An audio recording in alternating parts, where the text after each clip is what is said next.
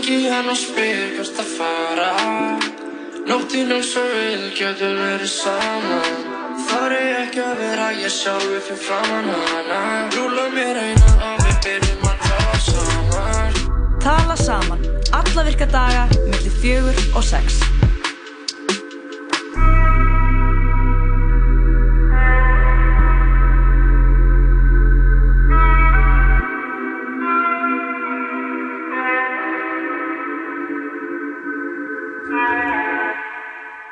Já, síðan þátturum tala saman hér á uh, þessu mánudegi, ný veika gengin í garð. Við erum hér með þér kæra hlustandi Jóhann Kristófar Lóa Björk. Já, það er ammælisvika, Jói. Ammælis vika, útarpið þegar að verða einsás núna á föstudaginn og uh, við ætlum svo sannlega að blása til veistlu. Já, þetta er nefnilega, nú er oktober að klárast og fyrsti nóf á föss, útborgunadagur, ég veit eitthvað að vera Halloween jamma. Já, þá. Og- fólk líka Halloween djama núna um helgina. Já, einmitt, þetta tegis alltaf yfir nokkra helgar í oktober, sko.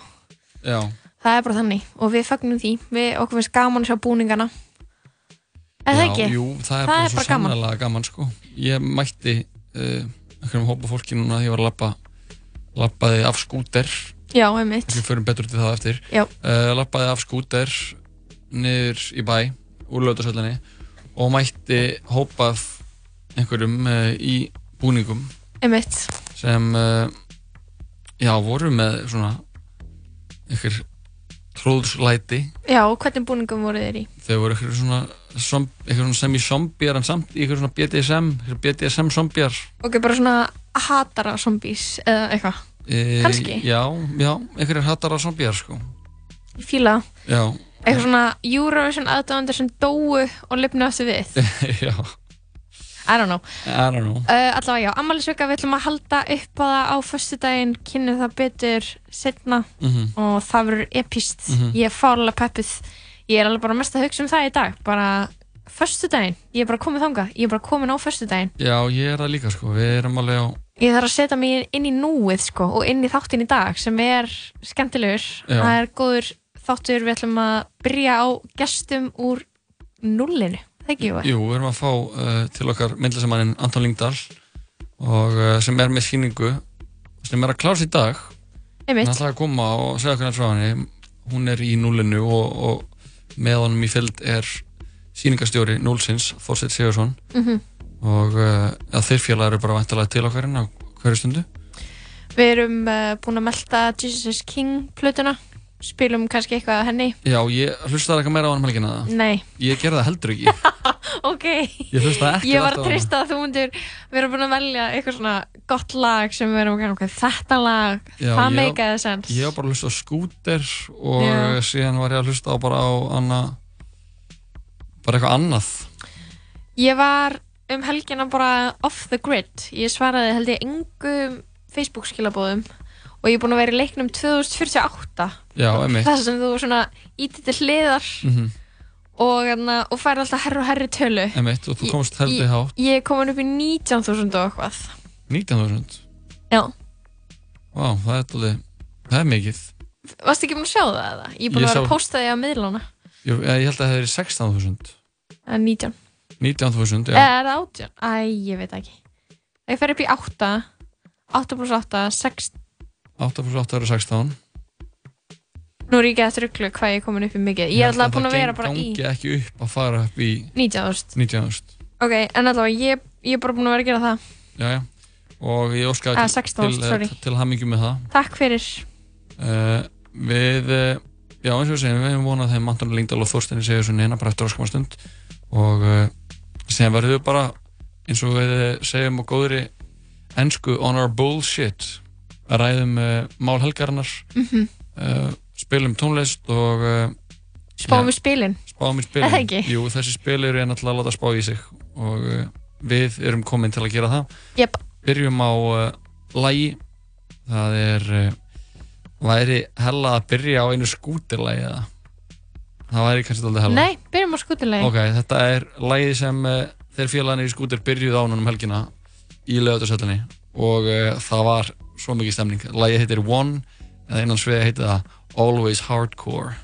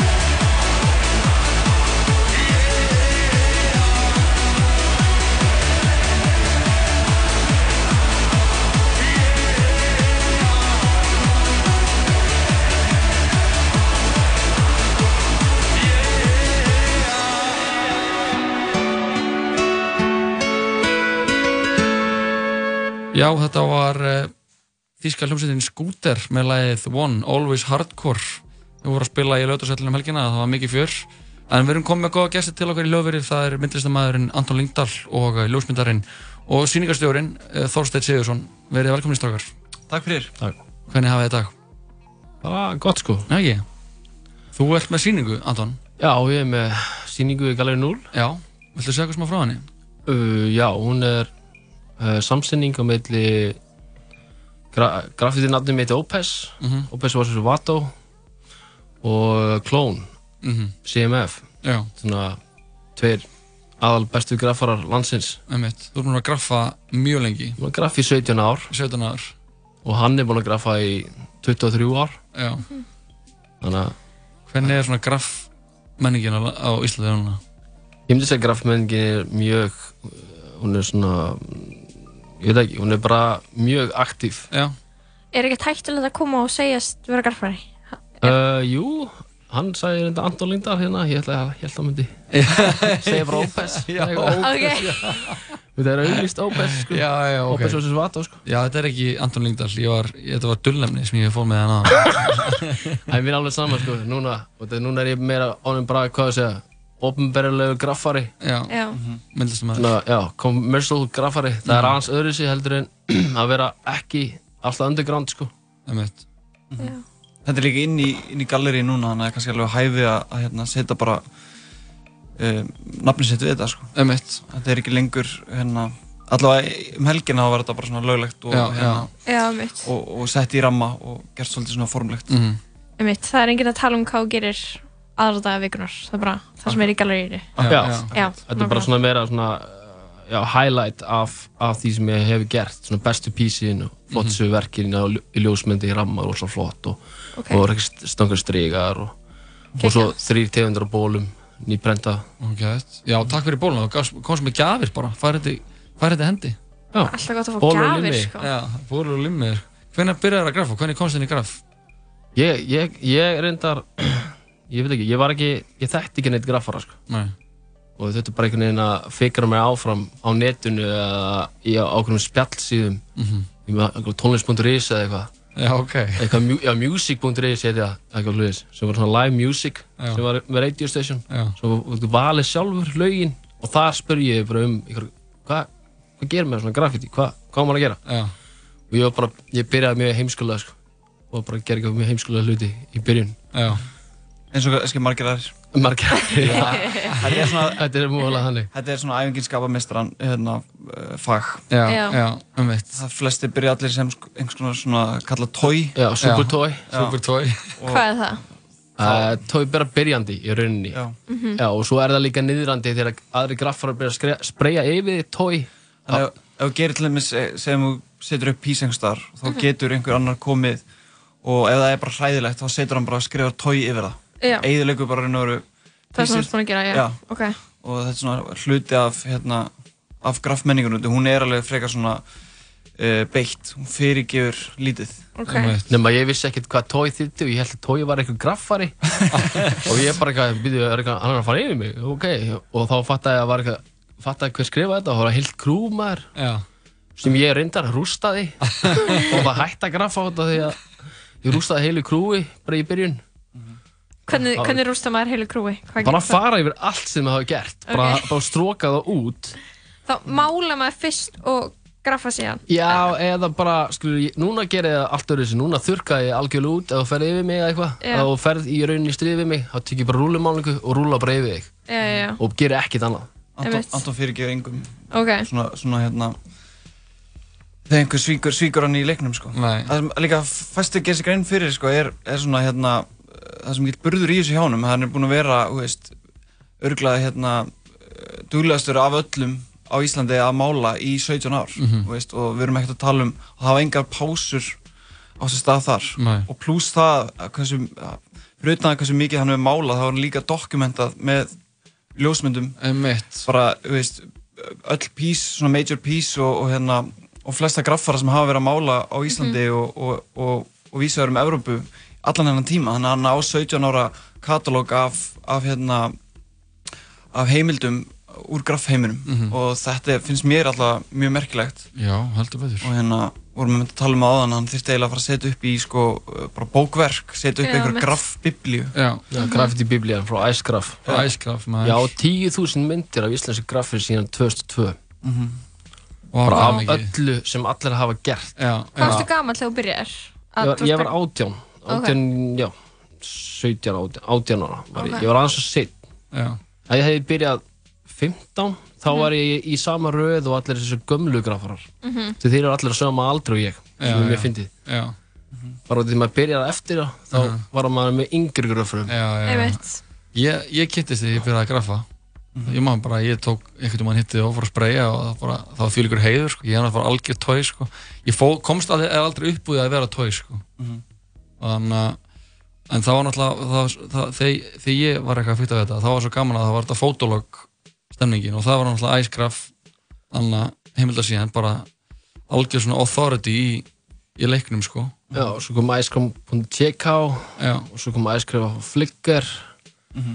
Já, þetta er svona dæmi og svo er sko, mér finnst þetta að vera svona meira eins og, fyrsta síðan var 2def Mhm. og svo kom grafti0.is Mhm. og svo kom Icegraph og svo er ég, var ég að býða eftir ykkur tæki við keflunni, skilju og því ég er hann búin að vera, já, ekki á Íslandi í ykkur 5, 6, 7 ár og, og alls svona svona dót, sko. Mhm. og hérna, já. Þannig að Underground Reykjavíkur tók við keflunni núna Já. Instagram. Já. Ég er mjög þakkláttur að hann hafi tikið þátt. Þannig að þetta er aðalega á Instagram núna, svona heimildir um, um graf. Já, aðal, aðal graffiti sena núna er á Instagram. Hún er búin að færast bara Jompa yfir alveg fotolog Og svo hann að Flickr Svo Mhm. hætti það og núna komið Instagram er svona main, main dæmi fyrir graffiti Já, þetta hefur einhvern veginn, svona, þróunin hefur alltaf verið sama eins og hjá öllum öðrum, eins og með grafík, hvar þú getur fundið það og séð það. Mhm. Einu sinni voru allir á Fotolog og einu sinni voru allir á Flickr, hvað sem varst graffari eða myndlistamæður eða ljósmyndari. Mhm. Og, hérna, og svo núna er allir að nota hérna, Instagram og heimasíður og svoleiðis aðrar en Instagram fyrir ljósmyndir eru bara að deyja út sko. Já, já. Instagram tók bara allan markaðin eiginlega og hérna, og á hann bara. Er það ekki smá leðald? Þannig að er, er ekki þessi upplaust eins og á þessari hefðbundu heimasíðu, þar getur haft starri myndir. Og hver mynd fær að njóta sín kannski eins betur. Þannig að formatið á Instagram er einst leitt og það er alltaf þetta Instagram nafn sem er fyrir undir sko Mhm. og logo. Þannig að þeir svona einhvern veginn, fyrir utan það að þeir náttúrulega eigna sér rétt á öllum myndum sem eru settar þar inn. Þannig að þeir geta þeir, eins eins rétt eins og Facebook og safnaður upp persónu upplýsingum og, og þeir vista náttúrulega alla myndir sem að þú setur inn Já. til frambúðar þá Já. þú eigið þeim út sko, það er það ennþá til inn í inn í einhverjum katalóg á Instagram sko. Mhm. en, en eins og áður það var þetta kannski svona eins um, þá var þetta eins svona meira hérna, fjölbreytt Já. Mhm. upp, á, upp, upp á þetta að gera sko. Mhm. Það er ekki alltaf að fara í square og eitthvað alls konar já, svona. já. Ég er mér samt með pælingu sko að maður er graffari Mhm. og maður þarf að vera eða, þú veist, getur maður orðið frægur skilur að, utan skilur graffsinnunar fattiði mig, út af því að þú veist þú vilt helst ekki setja nafnið þitt. Mhm. Þa, það var mann alltaf margir alveg ó- ótrúlegandi myndlistamenn og hérna, þú veist uh, og tónlistafólk og alls svona fólk uh, byrjaði í graffi, sko. Mhm. þú veist, við höfum alveg hérna, Magnús Leifsson til dæmis. Mhm. hann, er svona, hann er kannski svona einstaklega sem þekktur ekki fyrir graff en fyrir eitthvað annað núna. Já, hann er svo hérna hann að, hvað heitir hann? Hérna, gerði utan um her, hörpu hann hérna Elíasson, Elíasson, hann, er, hann byrjaði sem graffari og breykari og ég, Ok. bara, ég var bara að fá að vita þetta bara núna bara um daginn þegar ég hitti fyrsta graffara í Ísla, Íslands sem heitir eitthvað Einar Smálarsson Já, Bros. Hann er fyrsti graffari Íslands. Oh my god. Hann graffaði eitthvað 1989 eða eitthvað, fárað sko. Bara way back. Já. Þetta er bros, brosbræður hérna, hérna vinnirnir Einar Snorri og Eyður hérna Snorri eða eitthvað þannig. Já, ok, damn. Þetta er hérna sem voru með Barflies bókina Já, já, já, já, já, einmitt, Þeir voru, þeir voru að breyka með hérna Ólaf, Eliasson í Já, já. Ganda og, og spreja sko. Bara hann að graffa sko. Hann er sko svona einn af uppáhalds listamennum minnum og svona það sem ég horfi upp til til Mhm. að langa til að vera ykkur starf þar. Byrjar í graffinni. Og svo byrja hann í graffinu maður bara, vú, Graffi hefur alltaf verið alltaf svona stór hlutið með ég var í Östubæðaskóla og þá var, var Östóð frívegur, það mátt, mátti mála þar Mhm. en ég var bara alltaf bara í í grunnskóla að horfa á þessa veggi og, og það var bara, þetta var uppáhalds leifisæði mitt Já. besta leifisæði sem hefur verið til á Íslandi það bara, Og síðan er líka graffið er bara miklu kannski starra en fólk gerir sér grein fyrir Mhm. eins og strítkultúrin eins og við svona eins og hann blasir við okkur í dag í, í, í hverstasleikanum að þá veist, það er street fashion, þetta kemur allt úr skeiti og graffi Mhm, þessi, þessi look, uh, sníkararnir Mhm. þetta, þetta var allt graffararnir gamla daga fyrir kannski 20-30 árum sem byggu þetta dæmi til sem að núna er einhvern veginn orðið búinlega hverstaslegt Já, þetta mentalitet, veist, að vera bara 100% sko vera bara eins og maður er og bara, Mhm. bara fuck Já, everything else sko. og ro rocka liti og, Mhm. og, hérna, og vera hérna þú veist, svona svolítið svona djarfur karakter Mhm, mhm. þannig að hérna graffið álega svona rætu sínar í því sem við svona einhvern veginn okkur finnst normal í dag Já. Fæ, fæstir einhvern veginn tengið þetta samt þangað fæstir Einmitt. hafa einhvern á, áhuga á þessu þetta er ekki að vinsalt núna, þetta var bara fyrir tíu árum Mhm. Einmitt. þetta var mjög svona Reykjavík var alveg bara, fyrir tíu árum var Reykjavík alveg bara öll í graffi það er búið að covera svolítið mikið upp og það er færri einhvern veginn sem að eru að byrja að graffa núna en gerðu þá Mhm. þannig að þetta er svona, já Eru með eitthvað pælingar okkur það getur verið okkur þetta hefur minkað það er aðlóta því að mm, hvernig Reykjavík hefur, hefur tekið við okkur sko, eða sko gennum tíðina. Ok. það var einna tolerance einhvern tíðan 2011 eða eitthvað alltaf þrifið. Mhm. og svo bara graffiti brúsan er alltaf dýrir. Mhm. og þá er núna þá serðu bara að það er meira bara krót, það er meira svona takk meira svona bombur og meira svona lítið úrval af málningu. Svo serðu kannski graffararinn í, í Spáni eða ykkur staðar í útlundum með bara allan skalan og öllum litum og eru gett mikið komið rosa mikið þróun og svona og þetta er miklu óterrari Mhm. það er, það er rosa mikið munur sko Einmitt. Og kannski ofta eitthvað ungir krakkar eða eitthvað sem er ekki að að splæða sig gett dýra Mhm. eða ég veit það ekki, skilur Já, ég meina þú verður að eigða alveg tíu skalli að ná, ná í flott verk sko Mhm. En getur líka verið bara veist, að þetta tíumbil sem er búið að eiga stað núna í Reykjavík að það er mikil uppbygging í miðbænum Mhm. mikið af hótelum að rísa og er búið að vera, hérna, rífa gömul hús það sem Mhm. var kannski áður svona svolítið stríi graffarans er, er kannski svolítið horfið núna en það Mhm. mun síðan bara aftur koma þegar, þegar hérna, hótelrekstur annað fyrir að hérna, dvína, dvína sko. Er, þetta er alltaf einhverjum bylgjum sko. Að þó að graffi sé ekki super vinsalt núna og potið verða það aftur sko. Mhm. einn uppáhaldsraffari með var hann að gæði sem kom inn á og var- dvaldi hérna um, um stund á Íslandi kallaði sig Keker Mhm. og eða Splatt 17 og það var, það var bara eitt svona nettasti graffari í Európa sem var bara á Íslandi, bjóð bara á Íslandi í eitthvað tíma og var bara, Já, hann bjóði á Íslandi í, í hann var í LHI já, og hérna, hann var mjög fyndið sko. hann hérna hann, hann- var alveg heilt árina og graffaði ekki neitt, það var engin tök og engin bombur, svona allt í neitt föstudaginn. Það var bara, var bara að bomba allan lögavegin bara, bara 20 bombur á öllum rúftofum bara niður lögavegin Já. og svo næstu nótt þá kom aftur 20 bombur, bara hinum megin drrr, og við bara eitthvað Já, ok, hann er búin að vera í ár bara að finna staði staði sem Svona verður ekki, skáta. þri, verður ekki þrifaðir ekki þrifir í langa tíma Nei. og hann, að- og hann myndi bara vera fast já, já hann er, já, ég málaði hann endar ég málaði tvisar með honum Aha, já, hér, já. oh my god, var það ekki þetta? Jú, hann er einn af stærstu gröfrunum ég málaði með sko. Nice. ég sá hann síðan einhvern veginn í heimildamynd hann að það sem hann bjó í einhverju bjó í einhverju herbyggjum einhverjum lestargöngum í, Já, hann bjóð til hann niðri já, bara og í einhverjum lestargöngum bara í eitthvað ár Uh, Það er meira Sorry. Já, það er hann, meira. hann bjóð til sem sagt, þessi gæi er með, já, hann er með sko, hann er með eitthvað svona eitthvað obsession yfir í að hann vil ekki sko taka þátt í þessu hefna hérna vestrarna samfélagi Ok. og hann er svona anarkisti í sér held ég hann bjóð sem sagt til íbúð með sko ramagni og pípulögnum í gömlum lestargöngum sem voru, Ok. var hægt að nota þetta var alveg frekar nett crib sko Já, Ok. þetta Hljómar ekki, hann bjóði lestagöngum, þú ert ekki að segja alltaf söguna að það hljómar ekki vel, sko. Sí, síðan var hann böstaður og þá fór hérna sérst, danska lauruglan og, og DR eh, hérna, danska ríkisjónarbið Já, hérna, með myndaðalinn og sérst, hérna, fengu leið til þess að hérna, dokumenta þetta Mhm. og það er til einmitt heimildamind um þenn, þetta dæmi sko. já Ég meina spurningu, er eitthvað svona, veist, hvað er svona ethics í, í graffi, hvað er svona siðfræðin, nei, siðfærið, þú veist, má graffa hvar sem er og, og svo framvegis.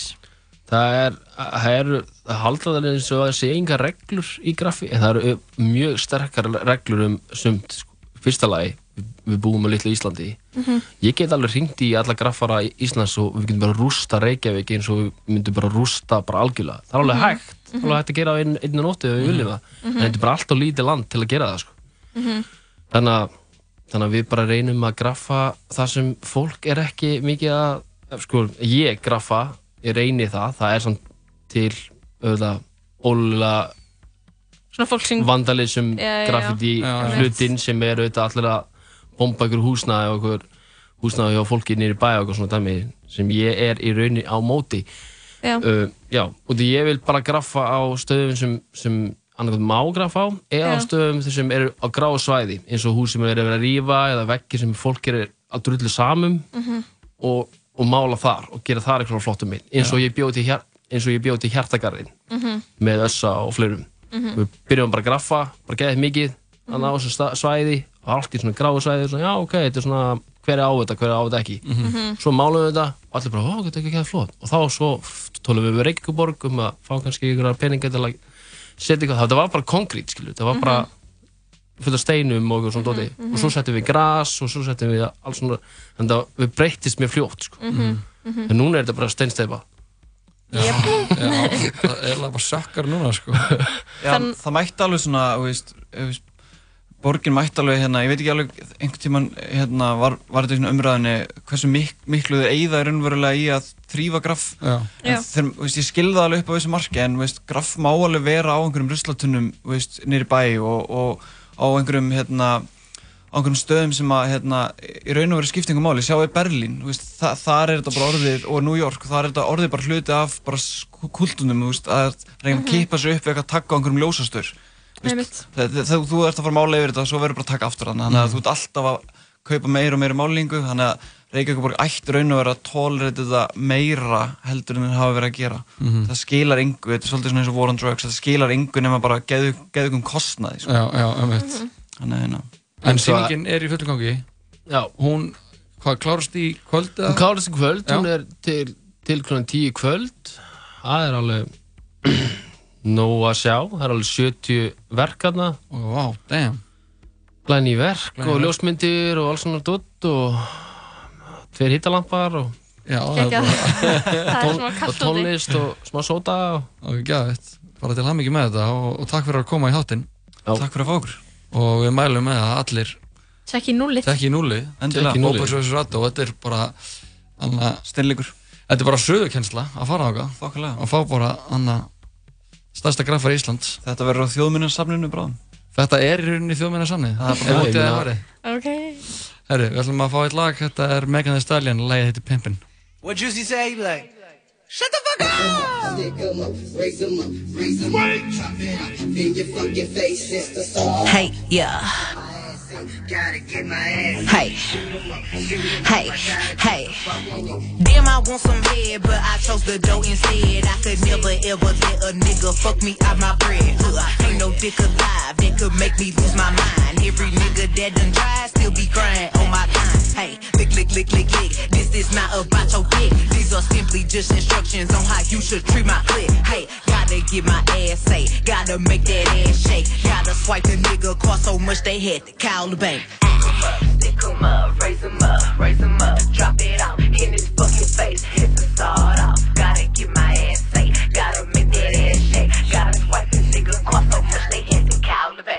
say he ain't tricking, and he say he ain't licking. Uh, nigga, why you over here without that little kiss shit? Ayy, bitch, I'm not your BM or no bitch that beg to see him. He say he gon' knock my head off. I'm like, yeah, yeah, yeah, just eat it. Ayy, boy, you need me, I don't need you, little nigga. Bitches, you fucking your niggas to hit him. You ain't been up in no pussy this tight. I want a nigga, I know how to get him. Blowing him out when he blowing me up. Thinking he's something, I treat him like nothing. These niggas know they ain't nothing to me. Giving me money or making me nut. Stick 'em up, raise 'em up, raise up, drop it out in his fucking face. Hit the start off. Gotta get my ass safe. Gotta make that ass shake. Gotta swipe this nigga. Hey, hey, Flew to LA, hit rodeo. i been out here making queso. I buy all my shit in cash. They treat me like I'm moving. Yeah, yo, I go shopping by myself so they know I don't need a nigga. But you know he breaking bread see me with a nigga. I rock shows by myself. Ain't no backup, ain't no help. Ain't no nigga put me on. Ho, I earned all my respect. When you hear my fucking name, know they speak it on the chimp. Everything that I done been through made me who I am right now. Ah. Stick 'em up, stick 'em up, raise 'em up, raise 'em up, drop it out in his fucking face. Hit the start off.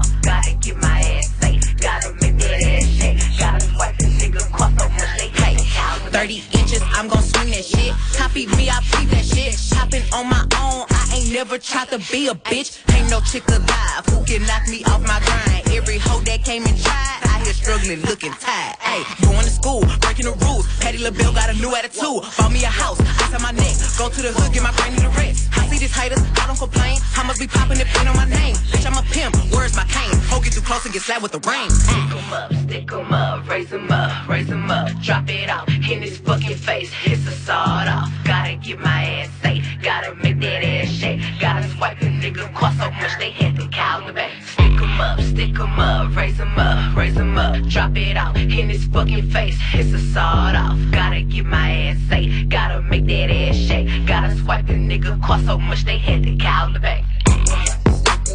Raise 'em up,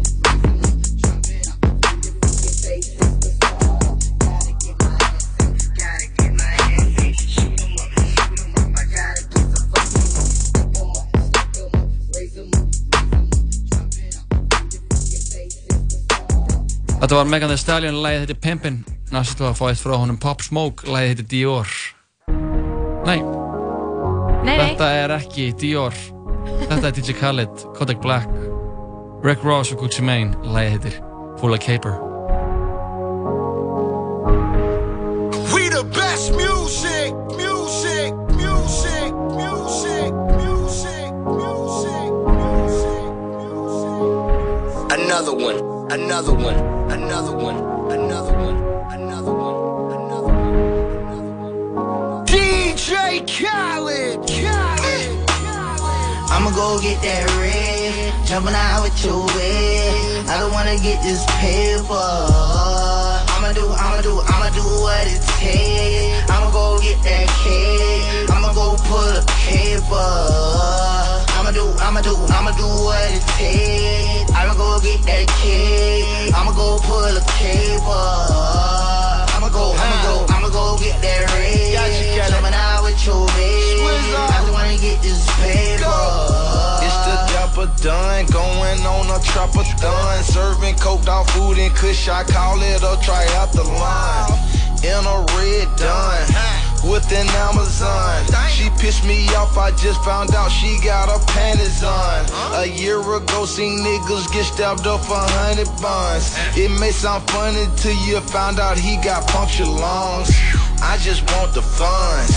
I don't rap for fun. I rarely post the money. I never pose with guns.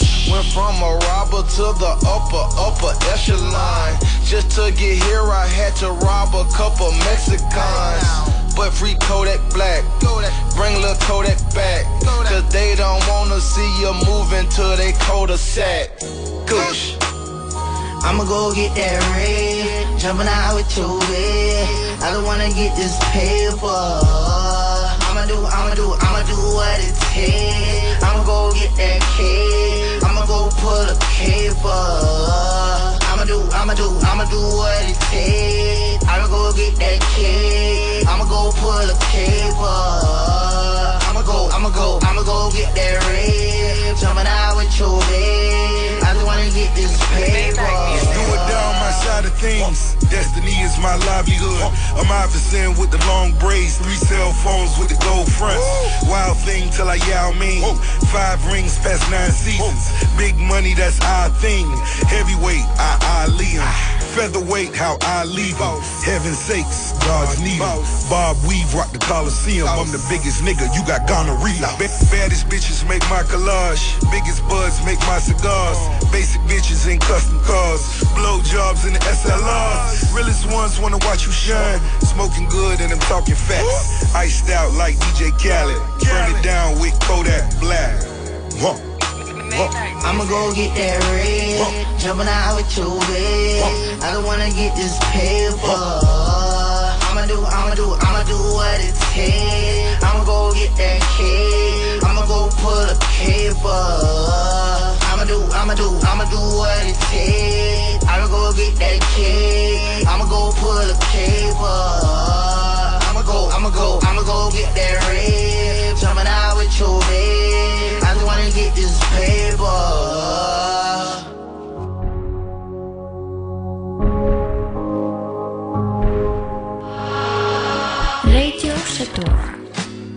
Öll 15. kvöld frá 8 til 10 á útarpundra 1 í bóði Íslensku Hamburgerfabrikanar Fylgstu með þeim bestu takast á í Dominós deildinni. Við stöndum vaktina í allan vetur. Vertu með Dominós. Hamburgerabúla Tómasar, sam og seinast. Hamburgerabúla Tómasar. Hvernig væri vókstiktur kjúklingur og brakandi fest grammeti í panda appelsínusósu? Kíktu við. Nings. Þú finnur fréttir, þætti og tónlist á heimasíðun okkar 101.life Já, þetta voru félaginir uh, Rick Ross, Gucci Mane, Kodak Black og DJ Khaled með lagið Pula Caber. Æðislegt. Við vorum að kveðja graffaran uh, Opes og uh, Þorstein Sigursson, Opes sem er með síningu í uh, nullinu núna sem er til klukkan 8 í kvöld. Við mælum með að fólk tjekkja á henni. Já, við vorum að tala um graff og graff menningu á Íslandi Já, og vorum við að tala um hvað hefur mikið breyst síðan við vorum krakkar sko. heldur betur sko. Og það var svona- allt crazy í graffinu þegar ég var krakki sko. Já, þetta var svo mikið svona bad boy, bad girl, ég veit ekki hversu margar stelpur voru í þessu. Jú, það, voru ekki margar. Einhverjar. Það, voru svona graffgellur. Já, og þetta var svo mikið, manstu þegar maður var lítill og maður svona, og ullingar var svona smá svona, típiskur, típiskur ullingur var á skellinöðru og þú veist, hann var að drekka landa, skilur við. Ég var eitthvað ekki í skellunöru, en þú veist, það var ekki þannig hjá mér sko. Það var, uh, það voru, svo- það voru mikið af skellinöðrum í hverjunu mínu, sko. Já, það var alltaf í gráðu sko. Já, eitthvað Ég svona- lappaði bara hérna á milli sko, um Já, bara svona háfaði í skellinöðrunum og bara svona, það, svona, ég veit ekki, það stafaði bara svo mikil hætta af úlingum, sko, Mhm. almennt einhvern veginn voru þeir að koma sér í vesen Mhm. og þú veist, svo voru einhverjur að graffa og þú veist, það voru skemmdarverk og þá Mhm. var löggan að elda þá Einmitt. og svo var þetta í þessum buksum, já, og þessar buksur sem naður niður á hnjám, þú veist, úlingar í dag er, hafa sko allt annað samfélagslegt gildi heldur en þeir höfðu sko 90s, 2000 Það er líka að þið voru svo ungir þá, eða þú veist, unglingar voru svo ný, nýtilkomið konsept. Þannig Samt séð. ekki ekki? er alveg eitthvað svona 50s koncept sko Já. eitthvað svona úlingurinn Já, verður til þá en ég, ég held að það sé meira bara út af því að það var, var í, út af sko þessum brjálugu 90s úlingum þá fór bara eitthvað svona svakalegt forvarnastarf á stað á Íslandi Já. Uh, foreldraröltið svona forvarnarhópar skilur og núna eru úlingar bara eitthvað heima á Snapchat. Já, ég fekk svo fucking finna auðlýsingu í þannig í uh, suggested eða þú veist svona það er einhver, einhver, auðlýsing sem ekki voru spon, já, Já, sponsored. Sponsored Já, ég held um sig kannski horfin. Þetta var, var auðlýsing frá sko uh, svona foreldra Hóp, foreldrar gegn áfengisneislu eitthvað þannig eða? já þetta var, eh, nei, eitthvað svona, eitthvað svona nákvæmna varslan eða eitthvað svona þetta var allan að, ég man ekki alveg sko, jú, ég ætla að draga þetta upp. Jú, virkir foreldra heitir þetta. Virkir foreldrar? Já, ég vil ekki vera að spila hérna. Og ég spila, má ég spila þetta í mækin? Já, já, kannski er það skrítið. Sjáum bara til að þetta þetta er mjög fyndið er öryggir þegar maður er úti á kvöldin. Þau getur komið vekk fyrir að hluti gerast bara með því að vera að rölda í hverjum. Einn af líkil þáttum í þeim árangri sem náðst hefur þegar kemur að því að draga úr vímöfnuneyslu í efstu bekkjum grunnskóla Já. er að fóreldra þekki vini barna sinna og fóreldra þeirra. Það er engin töfrar virkni fóreldrar skipta máli. Já, þetta var, þú veist, ég fekk að segja auðlýsingu bara upp og þú fórst og ger, ger grína henni. Já, þetta er náttúrulega alveg Af hverju þarf forvarnastarf Er það bara í eðli sínu leim og, líka, þú veist, ég skil alveg að vilja gera eitthvað svona auðlýsingu, þú veist en það er bara eitthvað, það er ekki þú veist, ég er ekki að- reyna að gera lítið minna, sko, en gaurinn sem er að er að segja þetta, er, er í þessu vídjói Hann er að ljúa en hann er bara eitthvað svona hann er ekki sannfærandi. Hann er bara eitthvað svona sko það þarf að það, eitthvað eða þú veist, tala, eða þú veist, maður það þarf einhvern veginn að vera svona meiri vissa í einhverju. Þegar hefur þú fengið gott hefur orðið vitna góðu forornar Starfi? Já, Sko, ég veit ekki hvort maður geti fullast um þetta út af því að ég held að það sé mjög mikið af virkni sem að, þú veist, beinir eða svona breytir afstöðu samfélagsins skilur og Mhm. hugmyndum mann sem eitthvað sem að þú veist maður tekur ekkert endilega eftir að, að gerist skilur eins og eftirlitslaus partí skilur Mhm.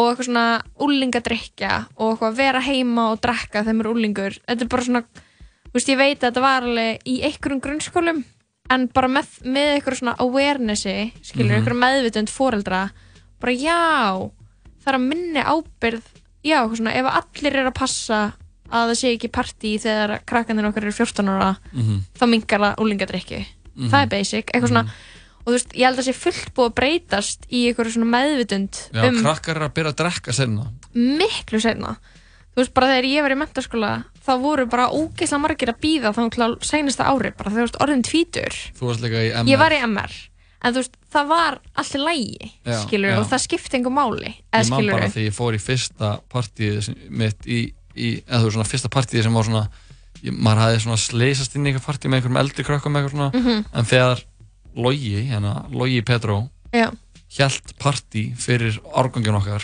Mhm. þegar við vorum í nýjöndabæk það var crazy. Var það áfengislaust? Nei, nei. Það var en, en gerði hann það þú veist aðeins að láta fóröld svona vita?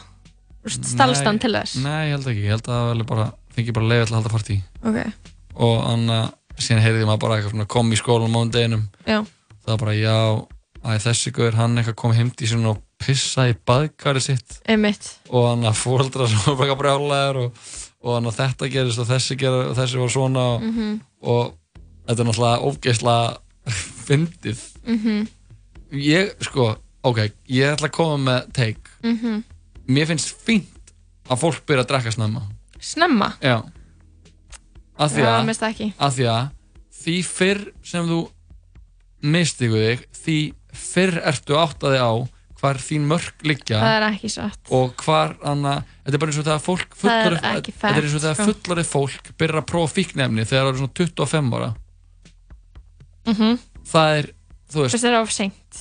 Já, af því þá ertu orðin fullorinn og er bara, já, ég get alveg gert þetta. Og síðan ertu bara að, mér gera finnst það mjög vafasamar og er óvísindalega bakkar er fulleringar síðan ertu að gera þetta trekk í trekk í trekk. Og þú veginn er bara komið þitt kerfi og hvernig þú sannfærir sjálfan þig um hlutina á meðan maður hefur ég hef sér liðið byrja fara í eitthvað, eitthvað smá rugg unglingar sem bara svona er gripið inn í að það er erfitt að grípa Ekki inn í. nei, hjá, hjá mörgum. Mhm. það er erfitt að grípa inn í einhvern sem er fullorinn þegar þú er bara orðin eitthvað 25 ára og er bara eitthvað heiliðin er bara miklu þroskari þegar þú ert 25 ára en þú ert 16 ára og þú ert sko Já, mun þú- hæfari til þess að til dæmis, ok, þú ert sex- 16 ára eða 15 ára, 14 ára og byrjar að drekka og gerir eitthvað rugg, Mhm, skilur við mhm. Vakna daginn eftir og veist eitthvað já, ok, ég, þetta var rugg í gær ef þú gerir þetta 25 ára sama hlutin í fyrsta skipti þá ertu eitthvað svona, já, ég gjör sannlega að gera með að fýbli, ég mun ekki endurtaka leikinn Eh, þetta er ég- eitthvað svona, þannig er eitthvað svona sko. tíu ár sem þú ert að þroskast Já. og fatta meira hvernig mannskja allt verða og bara heiliðin meira, þú veist, bara heiliðin er betri, það er bara fakt, Og- Það ætti að kenna börnum að drekka í grunnskóla. Mhm. í lífsleikni í tíndabæk þá væri væri fólk aldrei bræða vín í fyrsta skipti. Já, þetta er umölu pæling. Og, uh, og það myndi koma inn einhver sér svona vínfræðingur Mhm. og fólk myndi þróa með sér mjög svona anna dannaðan smekk á víni. Meina, ok, en mjög snemma ok, svona förum eftir að pælingunni, Jói Já. Me- Er, er það að meina, skilur, því fyrir sem þú byrjar að drekka því fyrir fattar þú ert alki Já, Ég held að það sé ekki rétt, sko er það ekki? Nei, ég held að þú veist því fyrir sem þú byrjar að drekka því meiri líkur er að þú veist þú, e- ekki að þú þú veist ég, ég veit ekki hvað einhvernir alkafræðingar segja skilur, en ég held að það sé ekki holdt fyrir þig að byrja eitthvað að drekka snemma til þess að komast að því að þú sért alki. Ég held að það sé ertu bara en ég held að það sé bara lík ég held að, ég tala bara minni reynslu. Mhm. ég har bara mjög marga vini sem byrja að drekka mjög snemma Mhm. og eru núna hættir að því að Já, en sko, ef þér hefðu byrjað að drekka setna þá varu þau kannski ekki, það hefur kannski aldrei þurft að hætta. Nei, það þurftu kannski ekki að þið voru bara, heyrðu, stjórna þetta, betur. á, þið voru bara áfengi, það er frekar mikið whack og hætta því, en drukku kannski ókslega mikið og illa á okkur tímpúti já, já, veist- eins og flesti sem drekka, klálega, gera. eitthvað svona nei, það er ekki satt. Er það Flest- ekki? nei, svona úlingadrykja Íslendingar, þú varst ekki skútur um helgina, sko, þú, Nei. við erum, við sem þjóð erum, þannig að kunnum mjög illa skemmt okkur, við erum full kannski og- þegar við temjum okkur drykju menningu eftir því sem við anna, lærum í mentaskóla þess vegna væri Já, kannski bara þess vegna betra að drekka setna í grunnskóla. Já Jó, við verðum aldrei sammála um hvernig að kenna áfengisnislu Nei, við verðum aldrei saman á það. Herru, ég var hlust á eitt af Blöðans Kenny eða? Kenny G. Já, Já, endilega. Langar að heyra Kenny G lagið. Já, já, okkur ekki? Hlustum á Use This? Gospel. Þetta er clips uh, á samt Kenny G. Að lagi Kanye West Use This Gospel af flötunni Jesus is King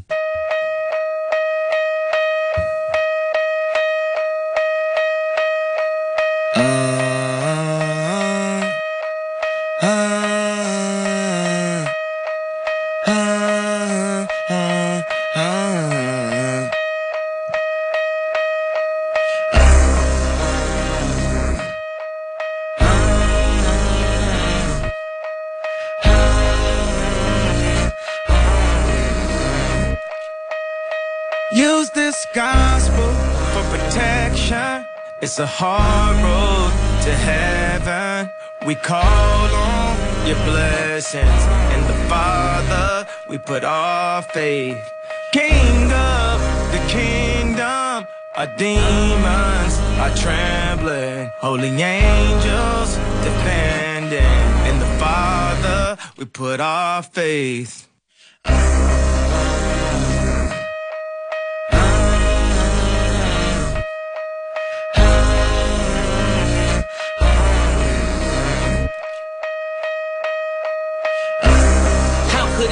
The greatest?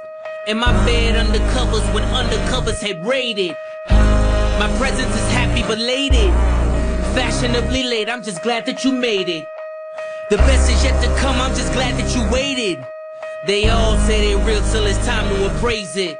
I seen them come and go, you only the latest. But who am I to judge? I'm crooked as Vegas. Use this gospel for protection. It's a hard road to heaven. We call on your blessings. In the Father, we put our faith. King of the kingdom, our demons are trembling. Holy angels defending. In the Father, we put our faith. A lot of damaged souls, I done damaged those. And in my arrogance, took a camera pose. Caught with a trunk of every man lows. They sing a different tune when the slammer close. From the concrete grew a rose. They give you rave talk, I give you faith talk. Blindfolded on this road, watch me faith walk. Just hold on to your brother when his faith lost.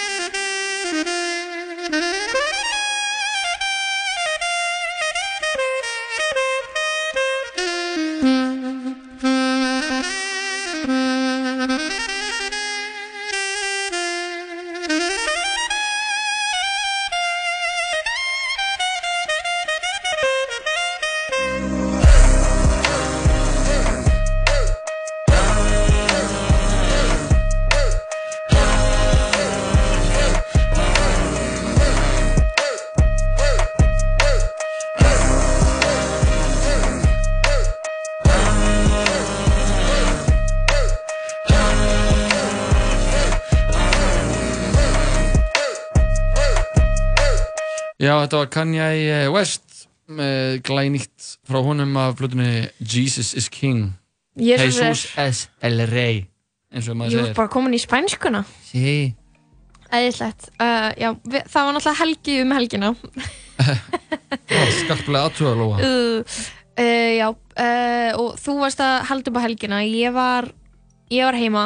Kæristu minn var í heimsum frá Sviss. Já, og Kom, þú nýtti tíman í nýjum tölvuspili nýtt- nýju tölvuspili. Jú, við náðum að haxa það og við erum komið með mjög háa tölu. Voru að spila það saman? Jep, Já, ok. Við vorum að gera það og horfa á alla nýju seríun af BoJack Horseman. Ok, Það var nice skemmtileg, Já, mæli með. Uh, Með bara betri seríum, sko. Já Það ég horfði ekki á síðustu seríuna sko. Nei, ok, hún var fín, hún var svolítið dark. Og Já. hún var eftir komin yfir í léttbetið. Já, já. Og ógslag mikið skemmtilegum J- þarna s- gestaleikurum og, og Mhm. bara fyndið sko Mhm. og Todd er að eiga svona ógslag gott moment í, Er svona seri gaurinn? Ertu ekki Bojack aðdóðandi eða? Uh, jú, er það ekki gaurinn? Það er Todd er með gulu húna í Já, rauðu peysunni einmitt, jú. Já, og já, við vorum svolítið að gera það en þú varst að halda upp á helgina Ég sá annan gæja sem uh, segist vera The Horseman uh, Já, ekki Bojack heldur Nei, hann er bara The Horseman Mhm. uh, Það er söngvarinn í hljómsveitinni Scooter. Veistu hvað hann heitir? Því ég held að hann, Hann væri heitir Scooter. eitthvað- Hann heitir eitthvað Hermann eða eitthvað. Og Hermann Hesse. Nei, ég jók uh, uh, Alltaf að googla? Á ég googla það? Ég skal googla það og þú segir mér hvernig var. Já, ég ætla að gera það. Herru Sko, það var mikið fjör á Scooter. Mhm. uh, Það, ég, ég kom uh, Ég mætti Þegar hann uh, Hann uh, DJ Muscleboy var að klára að spila. Já, Og uh, það var eitthvað svona Fótur og fit upp í baksviðinu vegna þess að uh, ég sá tweet Já, hann tweetaði, kallaði skúter aumingja. Uh, Ég skal bara draga upp tweetið sko. Já. Við þurfum að ræða það líka. En þú varst að taka púlsinn og varst þarna mættu sem skútir aðdáðandi, eða ekki? uh, Jú, ég var mættur sem skúter aðdáðandi og fræðmaður Mm Þú varst ekki mættu til að horfa á Muscle Boy uh, Nei, ég var ekki mættur til þess. Ég var mættur bara sem fræðmaður Og Mhm. uh, Já, það er eitthvað, er mikið svona eitthvað fótur og fytur sem ég segi í baksviðinu og, anna, og þá hafði þess verið slögt á DJ Muscle Boy. Mm Ég er enda með tweetið. Egil Einarsson tweetar 945 8 26 2019 from Iceland Twitter for iPhone. Já, vonbriði, punktur skúter, það litlir í sér að þeir köttuð á Muscle Boy áður en hann náði að klára. Svo bil og annað bil von, nei, aumingjar. Já, það er náttúrulega uh, stór orð. Já en þú hefur eitthvað aðra sögu að þess að segja? Nefnir ég kem bara og heyri bara, já það var slögt á honum, hann var komin tímynd, eða þe- hann og, og hann að DJ-in hans, Óli Geir, Mhm. uh, þeir voru komin tímyndur yfir tíman sinn. Já. og uh, var búið að senda upp, það hafði einhver farið upp á svið til að einhver tæknistjóri, eða svið, sviðstjóri og síðan hafði farið upp á svið líka. Til að láta það vita. Uh, Já, heldur túrmanager skúter og, uh, og ég síðan heyrði bara að þeir hefðu sagt bara, hann hefði sagt bara þeir eru eina að slökka á okkur en okkur er drullu saman um það, spila þetta.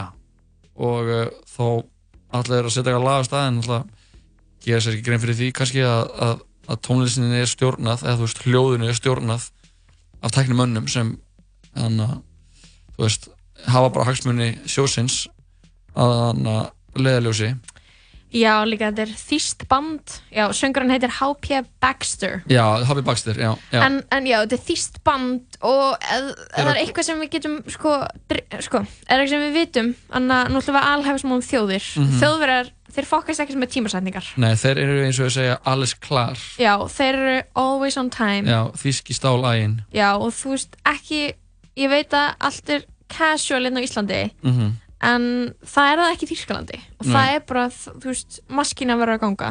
Já, Og var ekki bara, er ekki bara allt í lægi að þessi slögt á DJ Mossabói, eða? ég meina ég, þú veist það, þetta fór allan að fyrir mikið fyrir bröstunum þeim fjölöfum og mm þeim varst þeir mjög sveiknir og uh, hann að ég satt bara á kantinum hann ég var ekkert að skipta með það Nei, ég blanda bara með í þessum fræðimaður með, með Powerade sko Ok. og, uh, og það, ég held að að, sko, það, það er bara svona smá symbolist fyrir okkur Íslandíka að það er venna, búið að selja nokkur þúsund meða á, á, á hljómsveit í Já. sem er bara, er bara fullt á mjög mikið af fólki Einmitt. og þannig að og svo sem er að hita upp er ykkur í fílu Já, þetta var ekki eins og þau vildi hafa þetta. já, eða þú veist, það er bara er það er að bjóða manni upp á tækifæri að, að, að hita upp fyrir Hobby Baxter og skútergengi sem er bara þetta er bara, Já, þeir eru bara toppurinn í þessu, í þessu reif stemningu þú veist, Mhm, sem mhm. hann byggir hann að DJ Muscleboy byggir náttúrulega mikið að sínu dóti á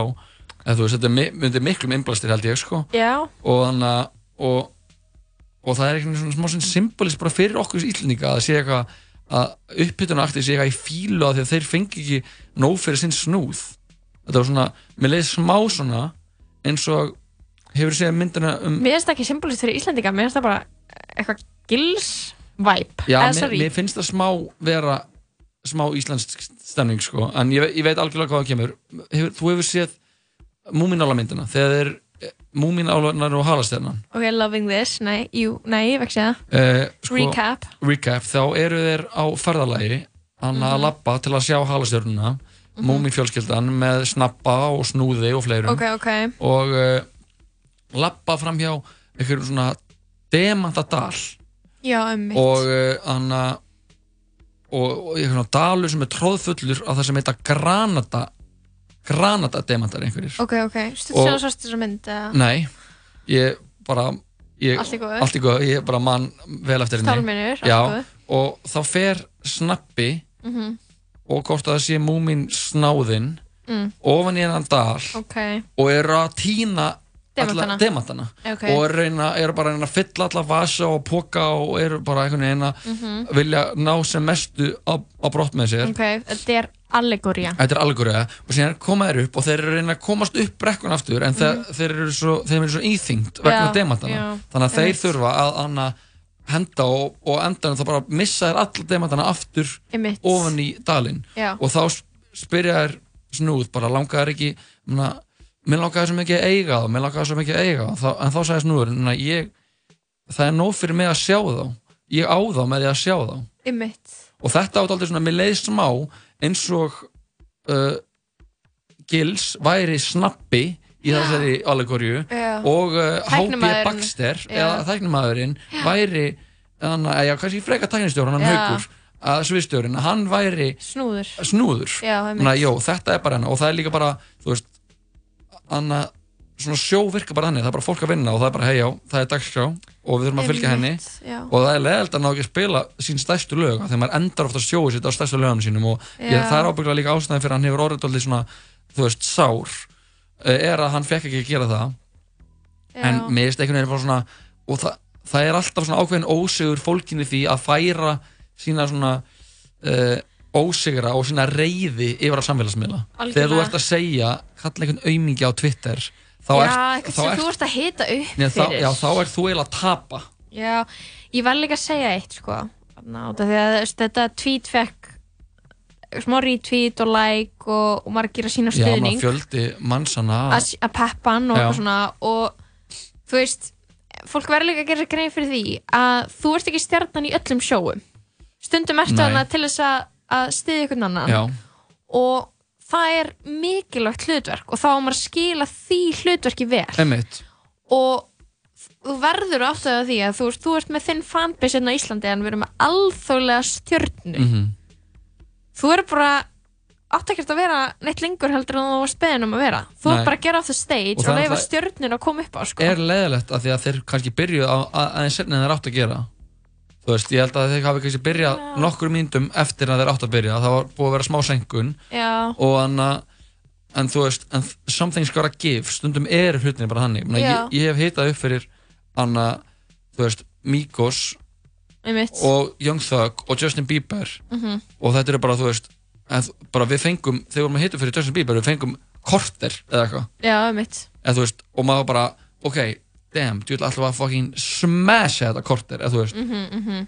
og bara að fá þetta tækifæri er ekki bara að hingra nei, hvoru og, er og, og, og það er ekki verið að borga sér til að sjá mig Nei, nei, nei, nei, nei. við erum bara að fá, maður er bara mjög heppin að fá okkar tækifæri til að gera þetta já, maður er bara aðeins að hæpa krátið skilur for the main act og, og fá bara tækifæri til að spila svona stóru flótu sviði Já. og bara þessi viðhöfnun öll og, en allavega nóg um það já, sjóið sjálf sjóðu allt, hann kemur hann eitthvað uppbyttan DJ frá skúter sem er að túra með honum Já. og síðan kemur hann eh, Hobby Bagstæðar Mhm. hljómsveitin fyrir á svið, þetta eru tvei gæjar með honum. Mhm. sem eru tvær svona skvísur sem eru að dansa og veifa fánum. Ok, og dilla, dilla rassinum að einhverjum svona skúter fáni Ætt og, og tveir hana, uh, dansarar, tveir gaurar sem voru að dansa. Ok, tvær stelpur að dansa og tveir gaurar að dansa. Já.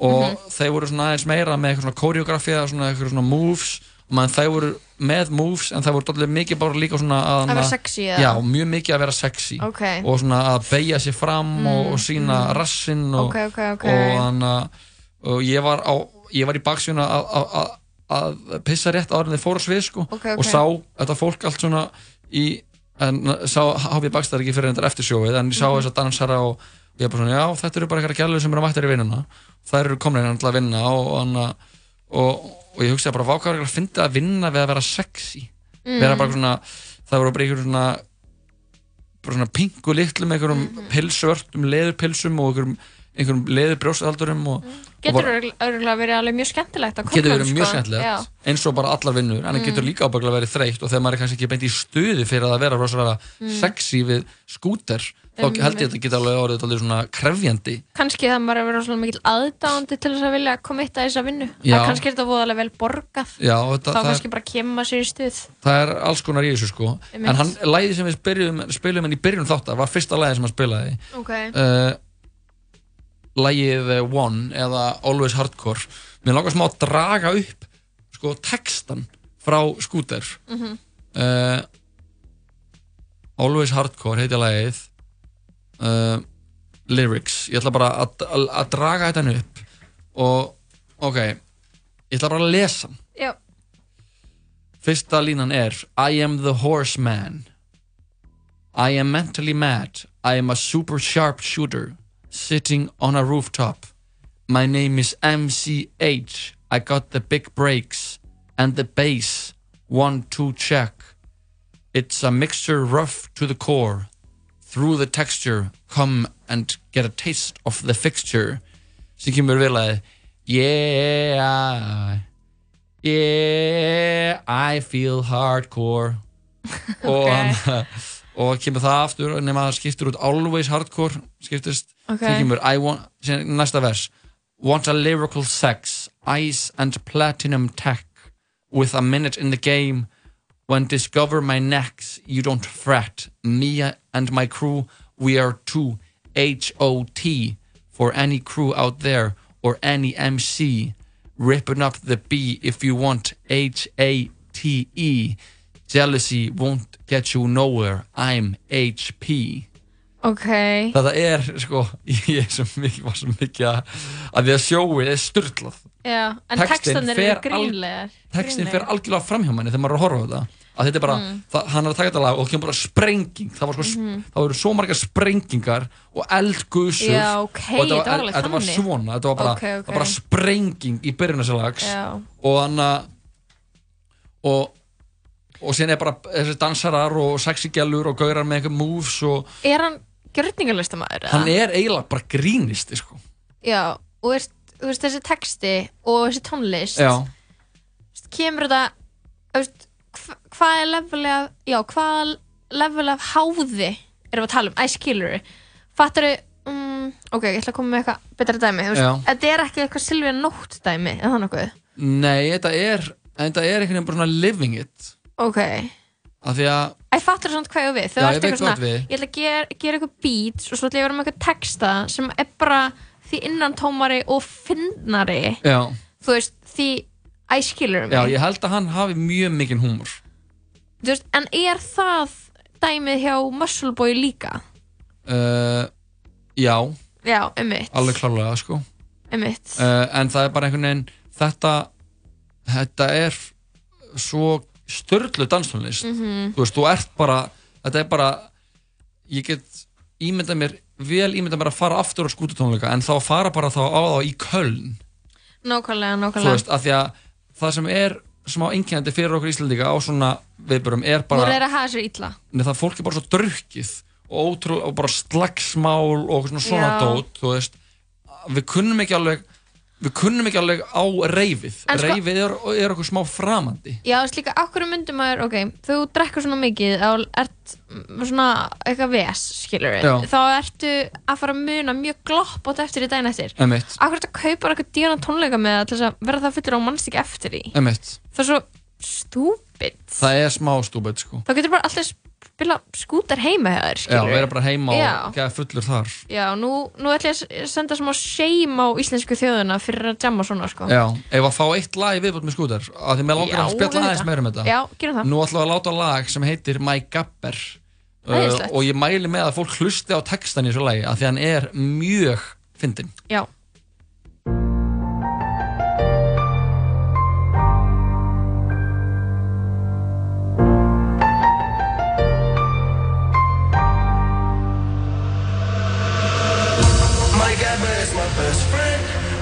My mate. When I'm in the field and I am with you, then I'm with you. My friend, my mate, my hooligan. My gabber is my best friend, my mate. When I'm in the field and I am with you, then I'm with you. My friend, my mate. Because our friendship never dies.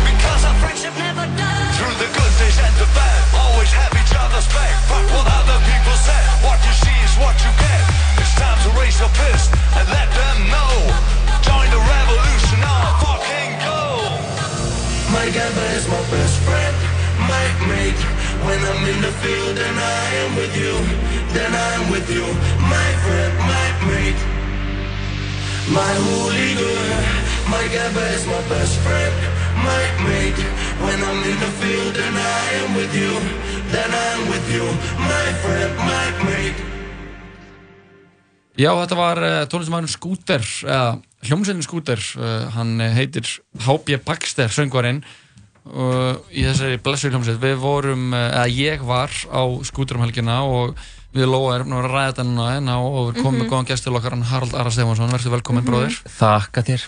Uh, já, sko, ég, ég er að vekja aðdegla á textunum hjá Skúter. Ef að bring Haraldur up to date á það sem við erum búin að vera að tala um Já, við erum bara að tala um að hann sé runni grínisti, söngvarinn Já. í Skúter.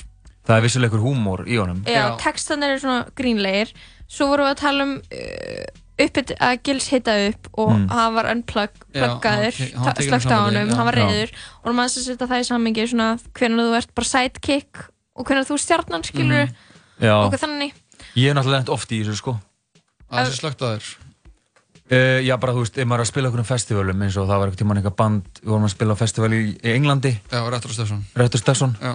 Uh, og bandið undan okkur, þau bara hérna, þau spiluðu miklu lengur en það átt að spila. Mhm. Þau eruðu setna einhverja stjórnir, það voru ekki orðanir að stjórnir þá. Nei.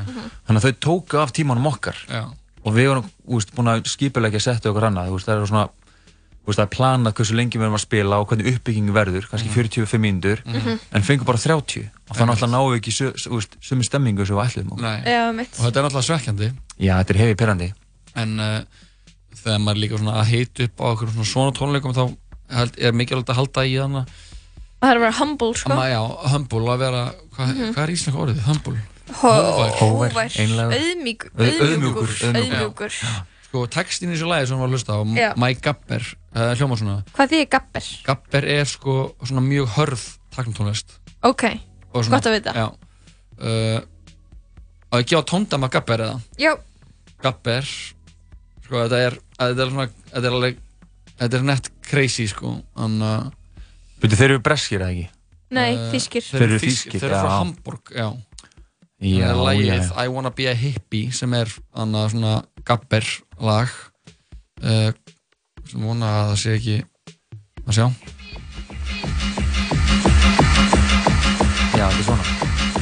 Já, þetta er þú veist, gabber er einhvern veginn svona sko Það er eitthvað þýst í þessu. uh, Þetta er stemmari. Þetta er stemmari Ég geti hlustað á þetta um helgi Já. en ég er í tölvuleik Já, ég veit, ég er, er ekki sko mikið inn í gabber þannig að gabber kultúrnum, þannig að ég veit ekki endilega hvort þetta sé besta tónda með því, það er öruglega einhverjir annar Einhverjir sem, að- sem er að bölva mér. En ég ætla að lesa, alltaf færa aðeins, færa, fyrir maður í textanina á þessu lagi, My Gabber. Mhm. My Gabber is my best friend, my mate. When I'm in the field and I am with you. Then, then I'm with you, my friend, my mate My hooligan sem kemur My Gabber is my best friend, my mate When I'm in the field and I am with you Then I'm with you, my friend, my mate Because our friendship never dies Ég skildi ekki Nei, þetta er, þú veist Þetta er eitthvað ljóðræna, sko, hann er að, hann er að tala Eh. um að þegar hann er, sko, in the field, þá er hann örgulega á, þú veist, Að það sem reyfa. Að reyfa. Já. Hvort það sem, sem á sig á festival eða ykkur vöruhúsi. Og þetta er bara, þetta er það sem hann liður fyrir. Já. Mhm. Annað Mhm. lag sem er tvímanarlaust uh, skrítna, skrítnasta uh, skúter Mhm. lagið heitir How Much Is The Fish? Einmitt. og uh, ef ég ætla að fá aðeins að fá að grípa inn í texta hérna og segir hann I want you back for the rhythm attack coming down on the floor like a maniac. I want you back for the rhythm attack get down in full effect. I want you back for the rhythm attack coming down on the floor like a maniac. I want you back so clean up the dish. By the way how much is the fish Hann Já. er hérna að jamma og svo er hann á veitingastað Það er, sko, hann, hann, hann talar eins og hann sé bretti, eins og hann sé bara eitthvað í Brighton og Já. er bara eitthvað, þú veist, nýkomin að jamminu og er ennþá með þetta í blóðinu. Já. Fer hann eitthvað fish and chips stað og svo bara er hann bara eitthvað, herru, förum aftur í jammið, herru, hvað kostar hans fiskurinn? Ég er á leiðin út. Já, Já, how much is the fish Hann Eh, hlýtur náttúrulega að hafa giggað hans mikið í Breitlandi Hans hljóta að hafa áhrif á textasmiðina Já, hann, Hann er ekki bara í Þýskalandi, hann er alltaf alþjóðlega stjarnar En það sem var eiginlega ótrúlegast Ok, Freyjar, við já. þessa tónleika Mm. var þegar þið kláruðust Mhm. og ég fór inn í baksvið þar sem uh, vinnir mínu voru að sjá um baksvið voru svona í event planning Mhm. og uh, ég sá hann Hópi Baxter Mm. bara svona stóð Up nokkur close. metrum frá Mm, honum mm. og það er eins og maðurinn sé úr sko formalíni Hafi verið í formalínu og Bíddu, sé úr eitthvað svona gummi Já, eða eins og, eins og, plasti. já, hann sofi í formalínu réttar sagt Er hann bara að laga sér svona mikið?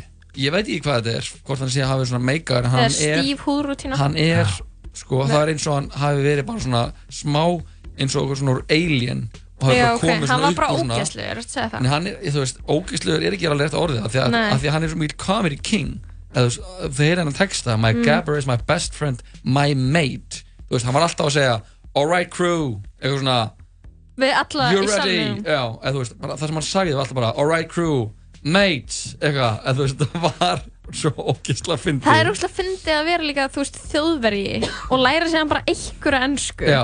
Og það er bara það sem þú varst að nota. Alright crew Hann. Mate You're ready Eitthvað Og þú veist, að, þetta er bara Mér finnst þetta Hann ætlaði að koma heldur tvísvar til ársins árið 2003 Ég held að Áskil Kolbins hafa flutt hann tvísvar Það var sko, ég man. Þeir eru smá líkir sko. Þeir eru smá. Anna, Kolbarinn er með svart hár Hann Hápi Baxter er með hvítt. Og hann annars eru Þeir eru bara sem eins og hann Spy 1 og Spy 2 Úr hann matblöðunum gömlu. Þannig að ég kom með alltaf gamla reffa hérna En Já, þetta er...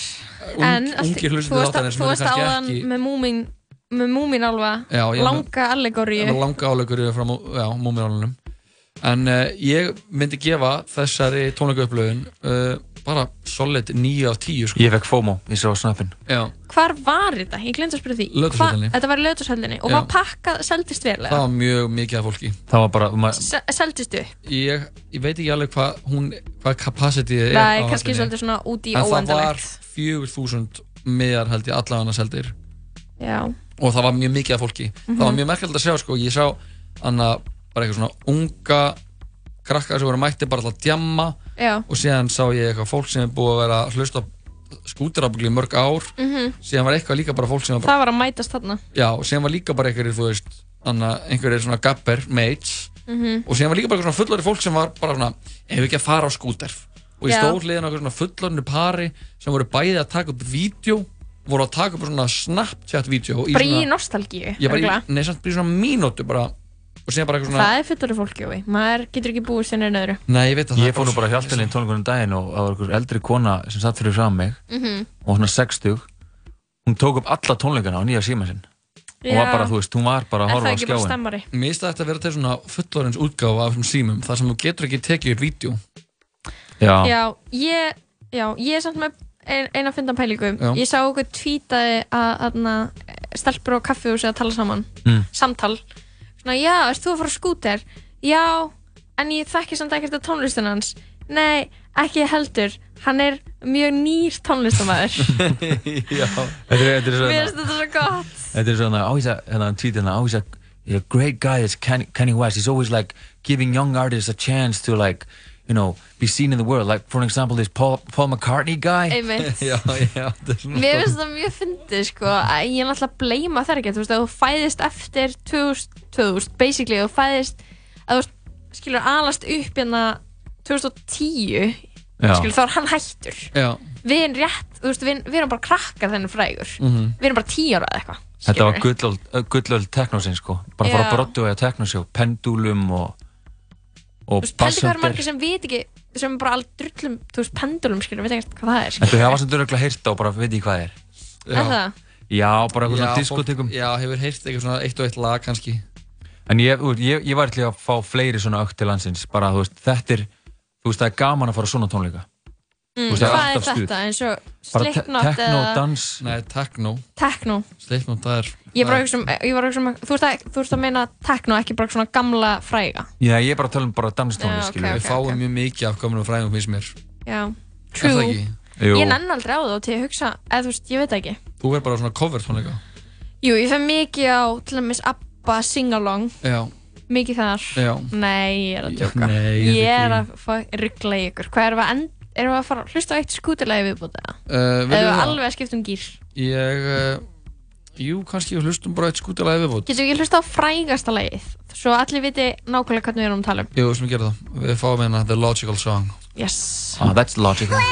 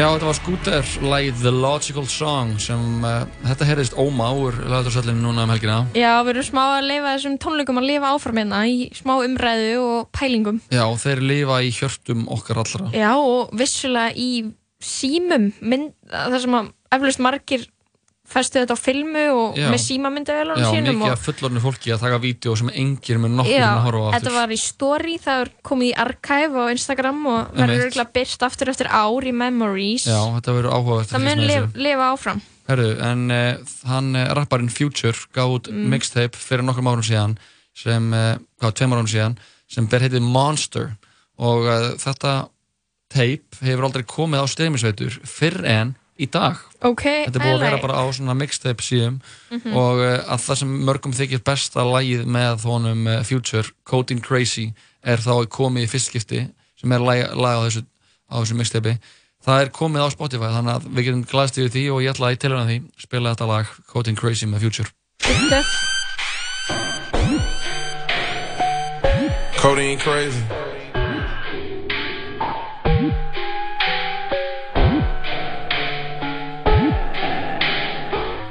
Yeah, pouring bubbly, pouring bubbly, pour that bubbly, pour that bubbly, pour that bubbly. We don't went through too much. Me? Pour that bubbly, drink that muddy, drink that muddy, bro, we covered in. Yeah, I'm covered in. I was thugging it, I was just loving it. That's for the muffin it. That's for the other bitch. That ain't for you, dog. That's for the other niggas. That ain't for you, shot. That's for that other bitch. I'm going crazy about. I'm going codeine crazy. That's how we living it. I'm feeling lovely. I'm drinking bubbly.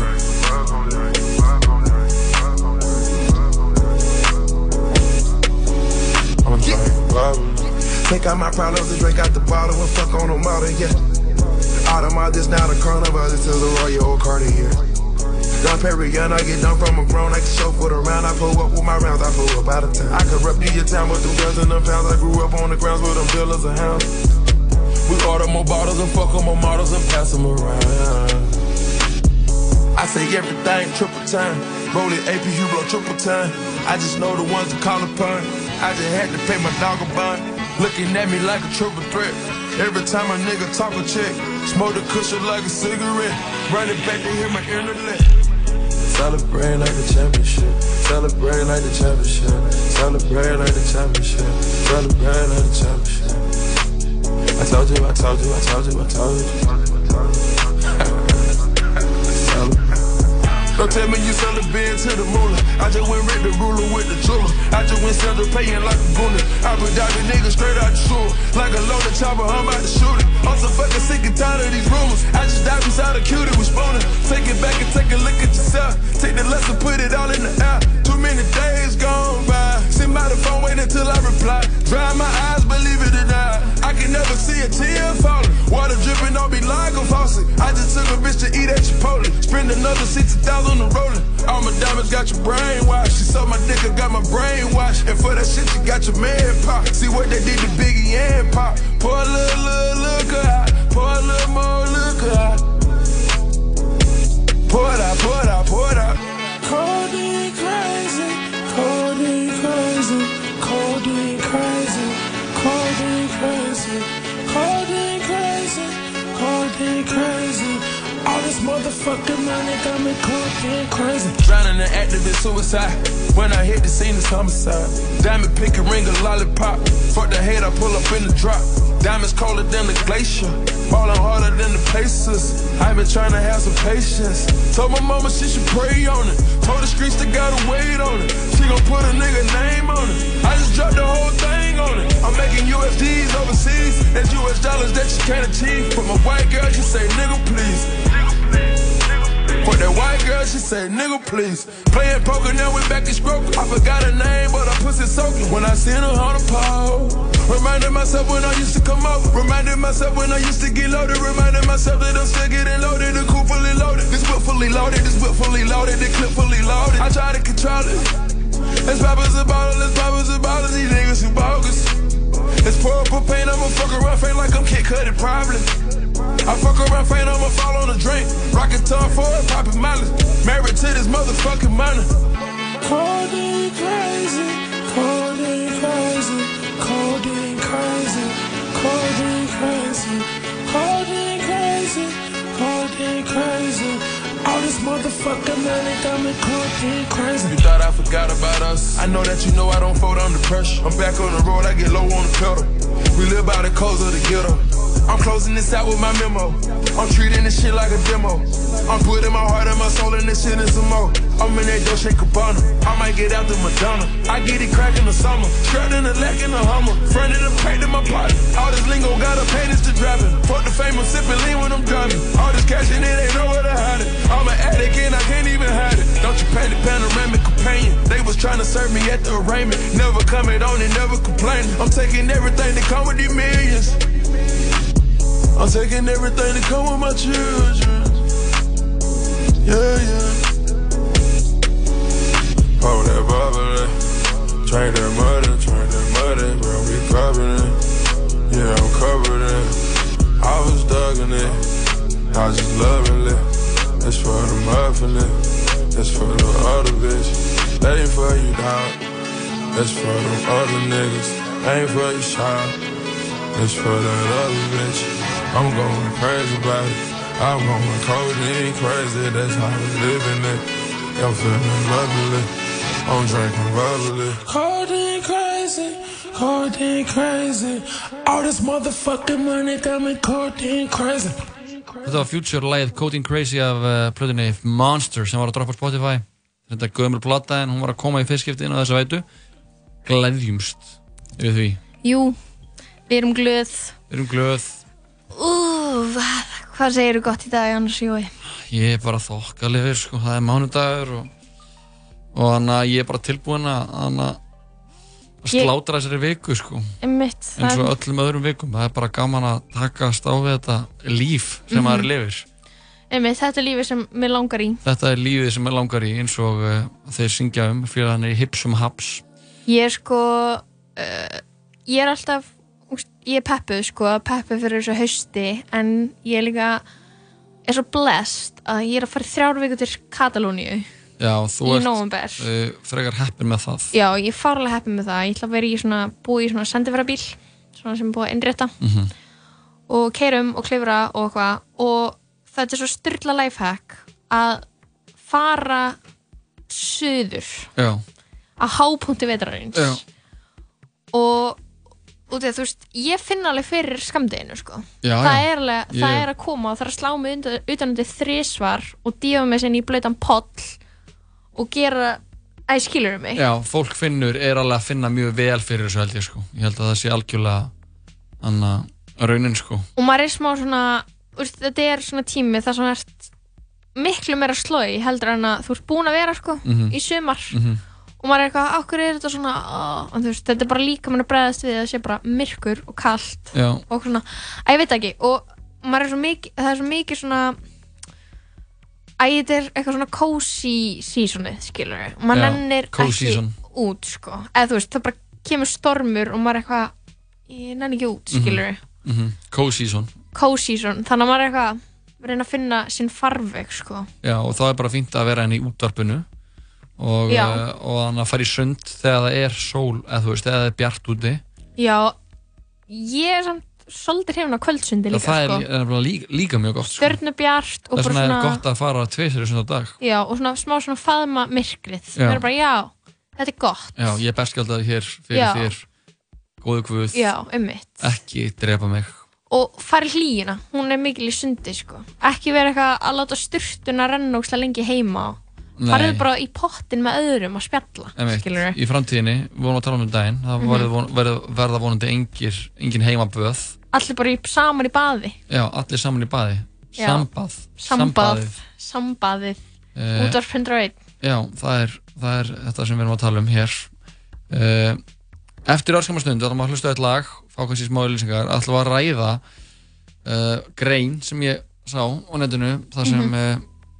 Fegurðarlæknirinn eða lítalæknirinn uh, Julian De Silva notaði einhvers konar uh, tölvu einhverjar, einhverjar jöfnu og uh, sko gamla gríska starfræðjöfnu til þess að eh, finna út hver var í fegursta kona í heimi Mhm. og uh, já, þið þurfum bara að sitja spennt við tækin eftir þessu af því að eftir eina öskamma stund þá munum við uh, leiða ykkur að heyra hver var fallegasta kona í heimi? Algjörlega. Haldið því, að vera, fá að vera fallegasta kona í heimi. Mhm. það er ekki leðilegu titill. Gæti ekki ímynda mér hvernig það er.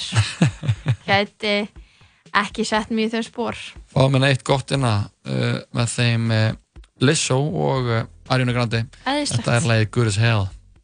I do my hair toss, check my nails. Baby, how you feeling?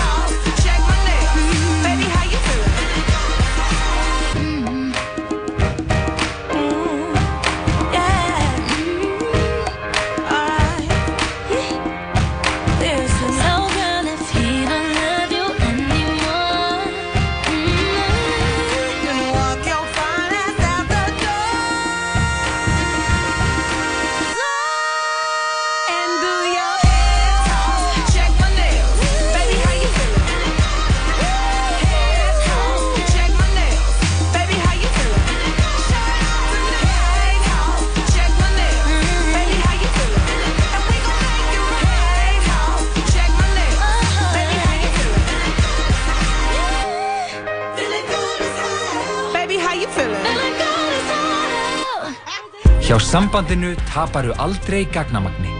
Sambandi. Símafélag framtíðarinnar. Mmm, þetta er góða matur. Skál, hlemur matöll. Matur sem keirir þig í gang Serrano Fresh, Happy, Max En hvaða ljós frá glugga þessum geislar? Hann austur heiminin er henni Júlía sólin. Byrju, Fyrir ekki, þetta, þetta er Rómi og Júlíu. Eh, Já, sko, verkið náttúrulega fjallar um Shakespeare og í verkinu er hann að skrifa Rómeo og Júlíu, sko. Ah, ég skil. Shakespeare verður ástfangin. Sýnt í þjóðleikhúsinu. Miðasala er í fullum gangi á leikhúsið.is Þú getur hlusta á alla þættina af Tala Saman á Spotify. Þetta voru stöllunar Ariana Grande og Lizzo með lagið Good as Hell. Góðar eins og helviti Já, eins góðar og hið heitasta uh, svart nætti sem ríkir í helvíti. Og ég ætla að vera eh, bjart í helviti Þú heldur að sé myrkur. Uh, Það er bara, kannski, er, það er bjart í þínu helvíti, það er myrkur í mínu. Cool. Við vorum að, en að rétt á hann að, að, að ég var að tala um þessa grein sem ég dró upp Mhm. þar sem lítalæknirinn Julian de Silva doktor Julian de Silva var búinn að nota starfræðjöfnu og uh, eitthvað svona, eitthvað svona kortlagningar og gríska starfræðjöfnu til að komast að því hver var í fegursta kona í heimi Mhm. og uh, samkvæmt þessum útreikningum sem var uh, gert eftir uh, gullinreglunni, heitir hún það ekki? Gullin sniði. Já, gullinsniðið Mhm. og eh, eitthvað svona pí, eh, anna, Pí. pí-reglunni. Já, þetta er bara eitthvað svona formúla sem er eitthvað, ef það er þessi hlutfull í andlutinu þá ertu fallegur, er það ekki? Jú, og The Greek Golden Ratio of Beauty P. Já, mitt. Og uh, þarna á listanum var engin önnur en uh, Ísraelska uh, fyrirsetan Fyrirsetan, já, Be- Bella Hadid. Bella Hadid, já. Já. Ég er með, ég er með, ég er með svona samlíkingu hérna. Ok, Uh, ég fór með kærastanum mínum á skúp um helgina. skúp ískerð. Ískerð, já, í Lögadalum. Já. Við hliðin á gömlum ítalsku veitingstað. Nei, hann er ekkert ítalskur. Hann heitir, já, hann heitir Laugaás. Laugarás. Laugaás. Laugarás, já. Og hann er búinn að standa þarna síðan, þú veist, hann er bara yfir 40 ára gammal. Já, þetta er klassísku staður. Já, með, með elstu veitingastöðum í Reykjavík. Mhm. Mikil stemning. Já, mikið stemming og það er á skúp og það er ný ískerð Mhm. og kæristan mín langa óslega mikið bræðaref mér var alveg sama, ég vildi bara fá mér þarna súkulaði, sorbet, ísinn þeirra Mhm. mjög góður súkulæðis og þá kæristan mín kemst að því að, þarna, að það er bara að fá svona skúp bræðaref sem er svona velur kúlur úr borðinu Einmitt. og það er sett í blanda all, allt saman og þannig verður bræðarefurinn þannig að kæristan mín velur náttúrulega eins og er lógíst þrjú bestu brauðin Mhm. eplaköku ís, netusmus ís og bráni ís en þegar þú blandar þessu öllu saman Já, þá bræðist þetta náttúrulega eins og ekki neitt einmitt. og ég held að það sé smá eins og þetta skilur þú, þú veist, þú getur ekki einhvern veginn reiknað út fegur með eitthvað svona með því að setja alltaf besta saman skilur Nei, nei. Og það er meira svona, það er kenningi mín um, um þetta gullinsnið sko Já, þú gefur ekki mikið fyrir þetta. nei, ég gef ekki mikið fyrir þetta sko Þú gefur jafnvel bara ekki neitt fyrir þetta. já, út af því að svo, þú veist, hefur þessi til dæmis viðtöl við þessu manneski Við Bellu Hadid. já, Uh, já. Ég hún er sé- svo skrítin sko Já, sko, það er hana, það stendur hérna. Uh, eða þú veist, fegur það er bara ekki eitthvað svona eitt eða skilur það Nei. er pælingi mín Já, það er pælingin, einmitt. Já. Uh, hún, Da Silva segir að hana, hún hafi uh, verið efst á þessum lista yfir þessar útreiningar á Mhm. þessum uh, andlitsdráttum. Svo skrítið, sko. hún var í, í rauninni 94,35% anna, þú veist, af þessu gullin sneði. Einmitt. Og það séu þá anna, augun hennar, aug, augbrúnir, nef, varir, sagt, kinn og, kinn, kinnar og haka og andelslögunin séu í þessari þannig ideal, eða þú veist, ideal þannig hugmynd okkar um fegurð. Einmitt. og uh, hún segir að hún sé þannig klár sigurvegara í þessu. Einmitt. og uh, hann hefði haft hæstu, fengið hæstu engun fyrir höku 99 Hæstu einhvern fyrir höku? 99,7% og uh, alveg aðeins Það er 0,- falleg haka. aðeins, aðeins 0,3% frá því að vera með fullkomna höku.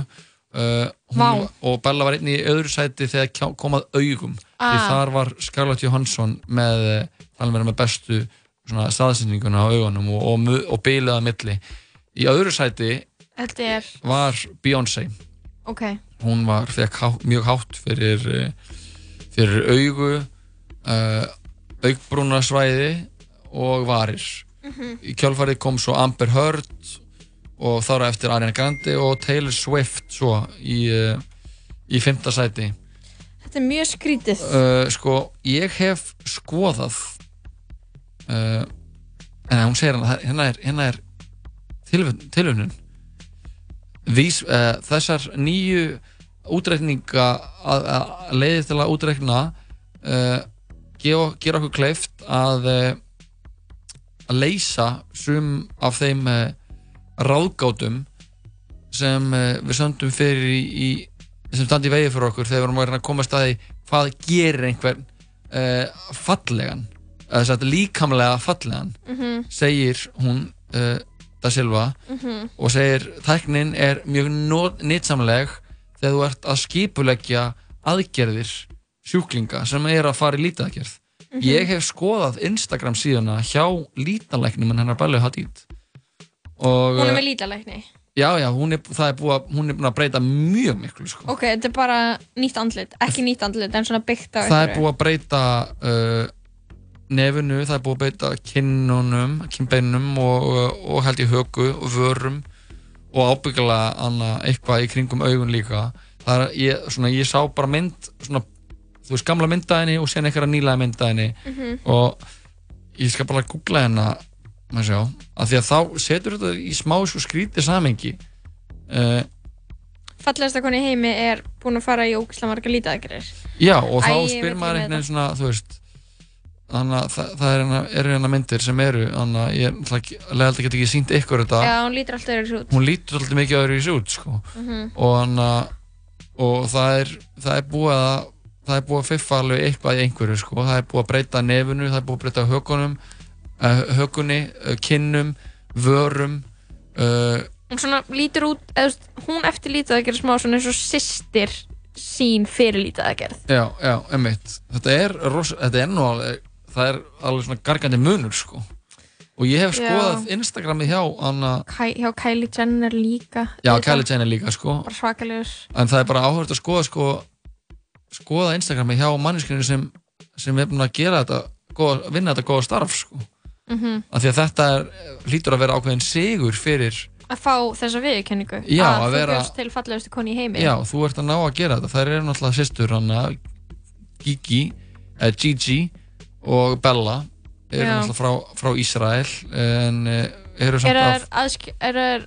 Veistu hvað er, að standa í pólitík? já, þær eru hana, eru, ég held að ég séu sko af muslim, muslimættum í Já, Ísrael ok, þannig að það er kannski þær eru ekki, þær styðja held ég Það styðja Pa- Palestínuríki, já, ok. sem, er, sem er náttúrulega alltaf gott að vita Já. Eh, það er mjög ósempatist að fara í mjög marga lítaðgerðir og styðja ekki Æ, Palestínuríki Eiga þær ekki mjög ríkan pappa? Jú, það er mjög ríkan, mjög ríkan pappa og uh, ég held að mamma þeirra hafi verið fyrir að setja líka þannig að þetta er svona en það er bara gaman að að velta þessu fyrir sér að vera fallegur, hvað er það að vera fallegur nú Já. komið græðu til þess að mæla það og Já, sem er auðvitað náttúrulega bara þannig að þið algjört bara, ef bull, þið viljið eða skilurðu, ef þið viljið?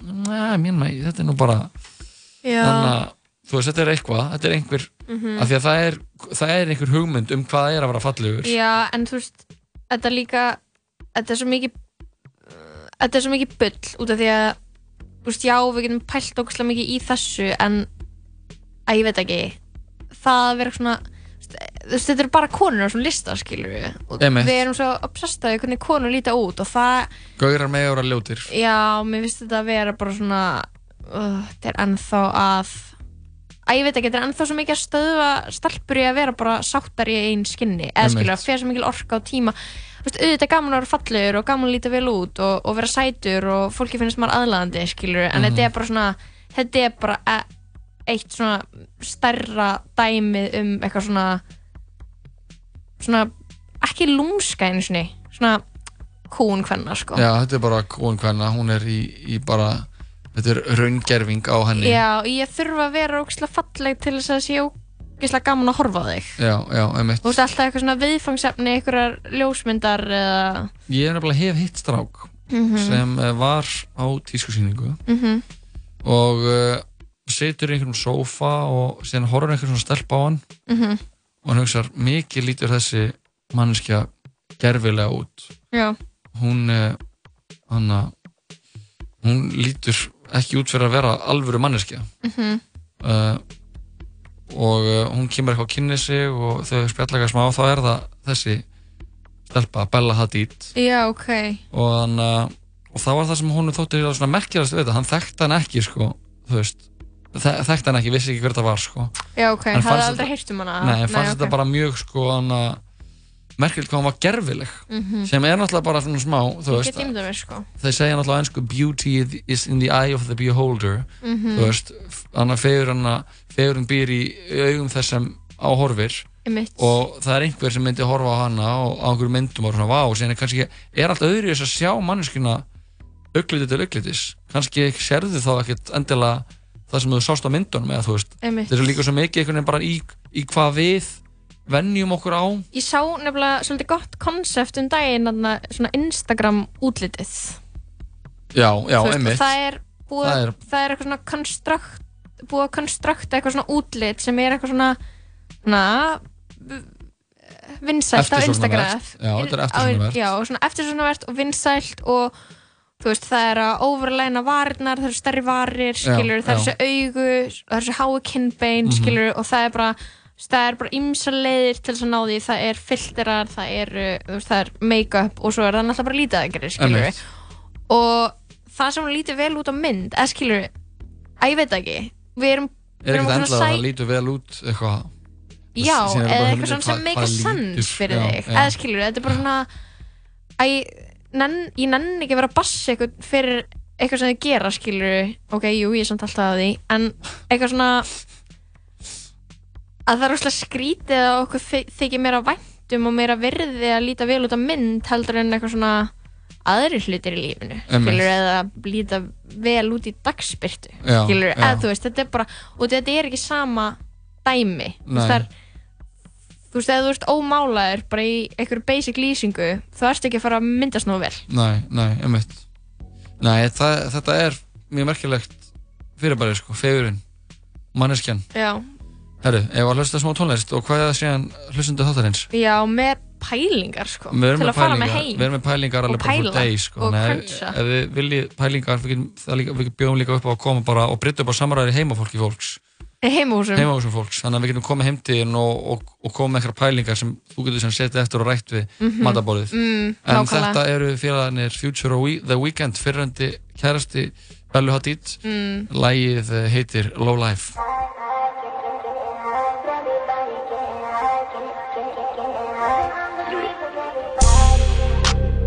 I just took some mileage with us.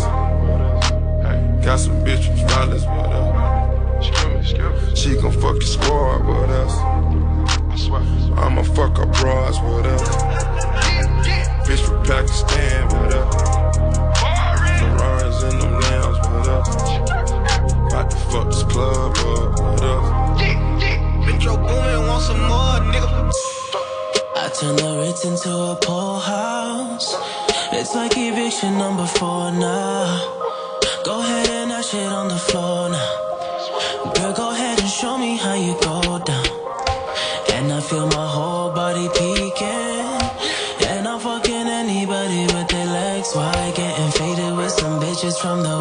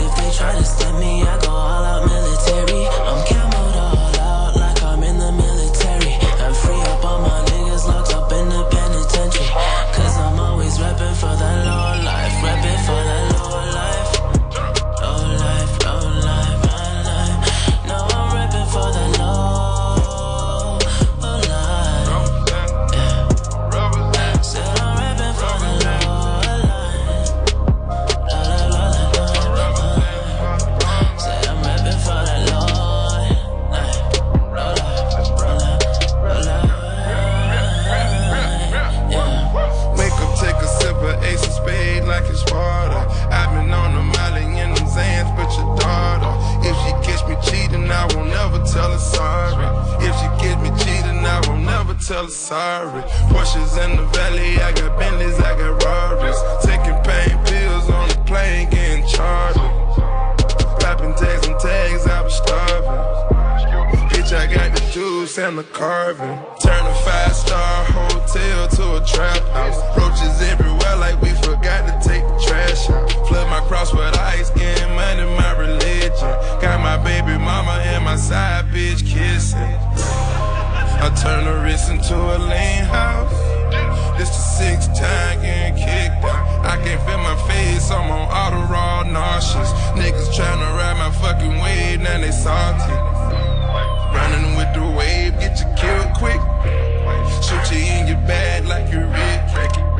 La Mexico with no life to afterlife, my whole life, my whole life. Cause I'm always rapping for that low life.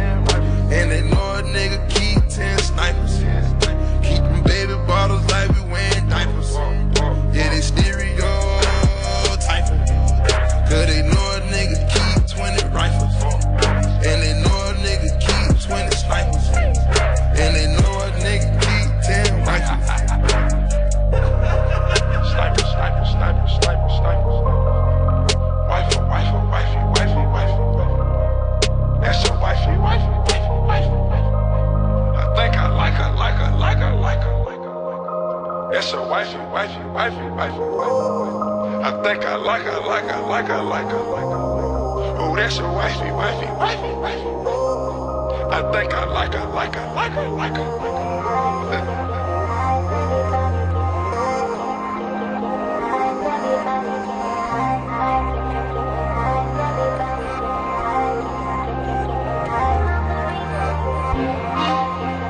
Handed to somebody with us. Þetta voru þeir Future, eða eru þeir Future of the Weekend Læði Low Life af plötunni Evil með eh, Future. Eh, Fáralega næs lag Fárlega næst lag. Gott að enda þáttinn á þessu. Já, heldur betur. Við erum að fara að kveðja hennar úr uh, hljóðurinn í dag.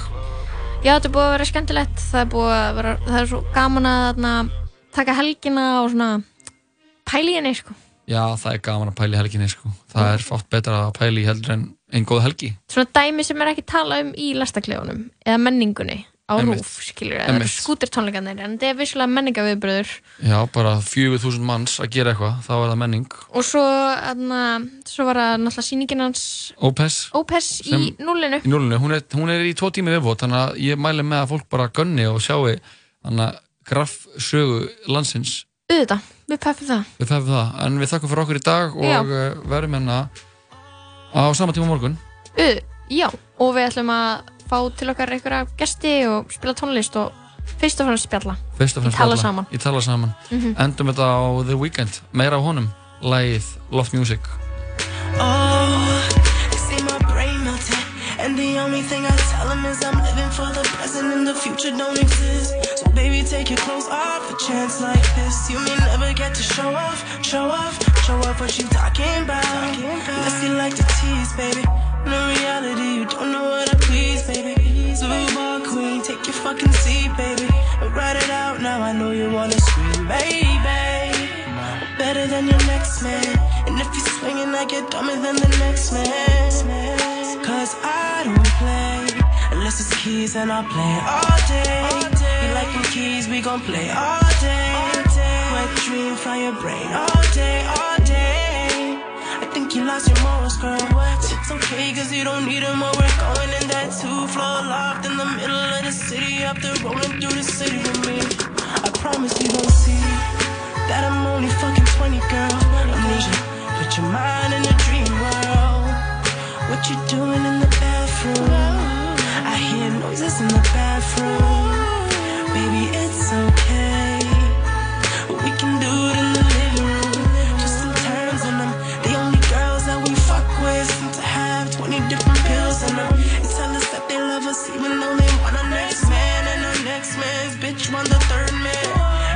Murphy shit.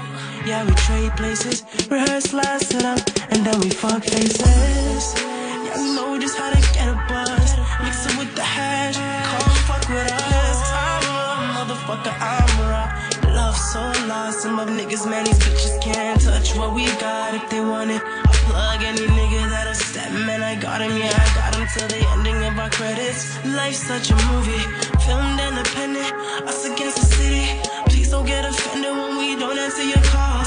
And if you got a problem, come and find us, we can talk about it. What's good, young ho, you about it? Got a left right now, you excited? You excited?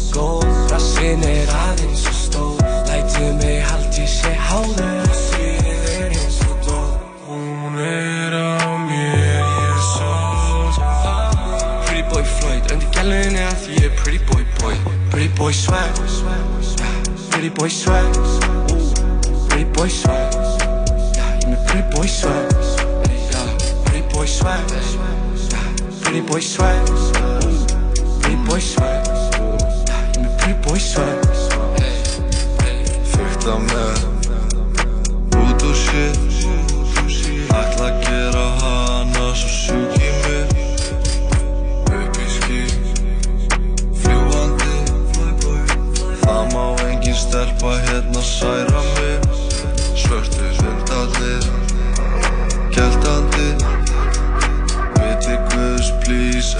as stomach.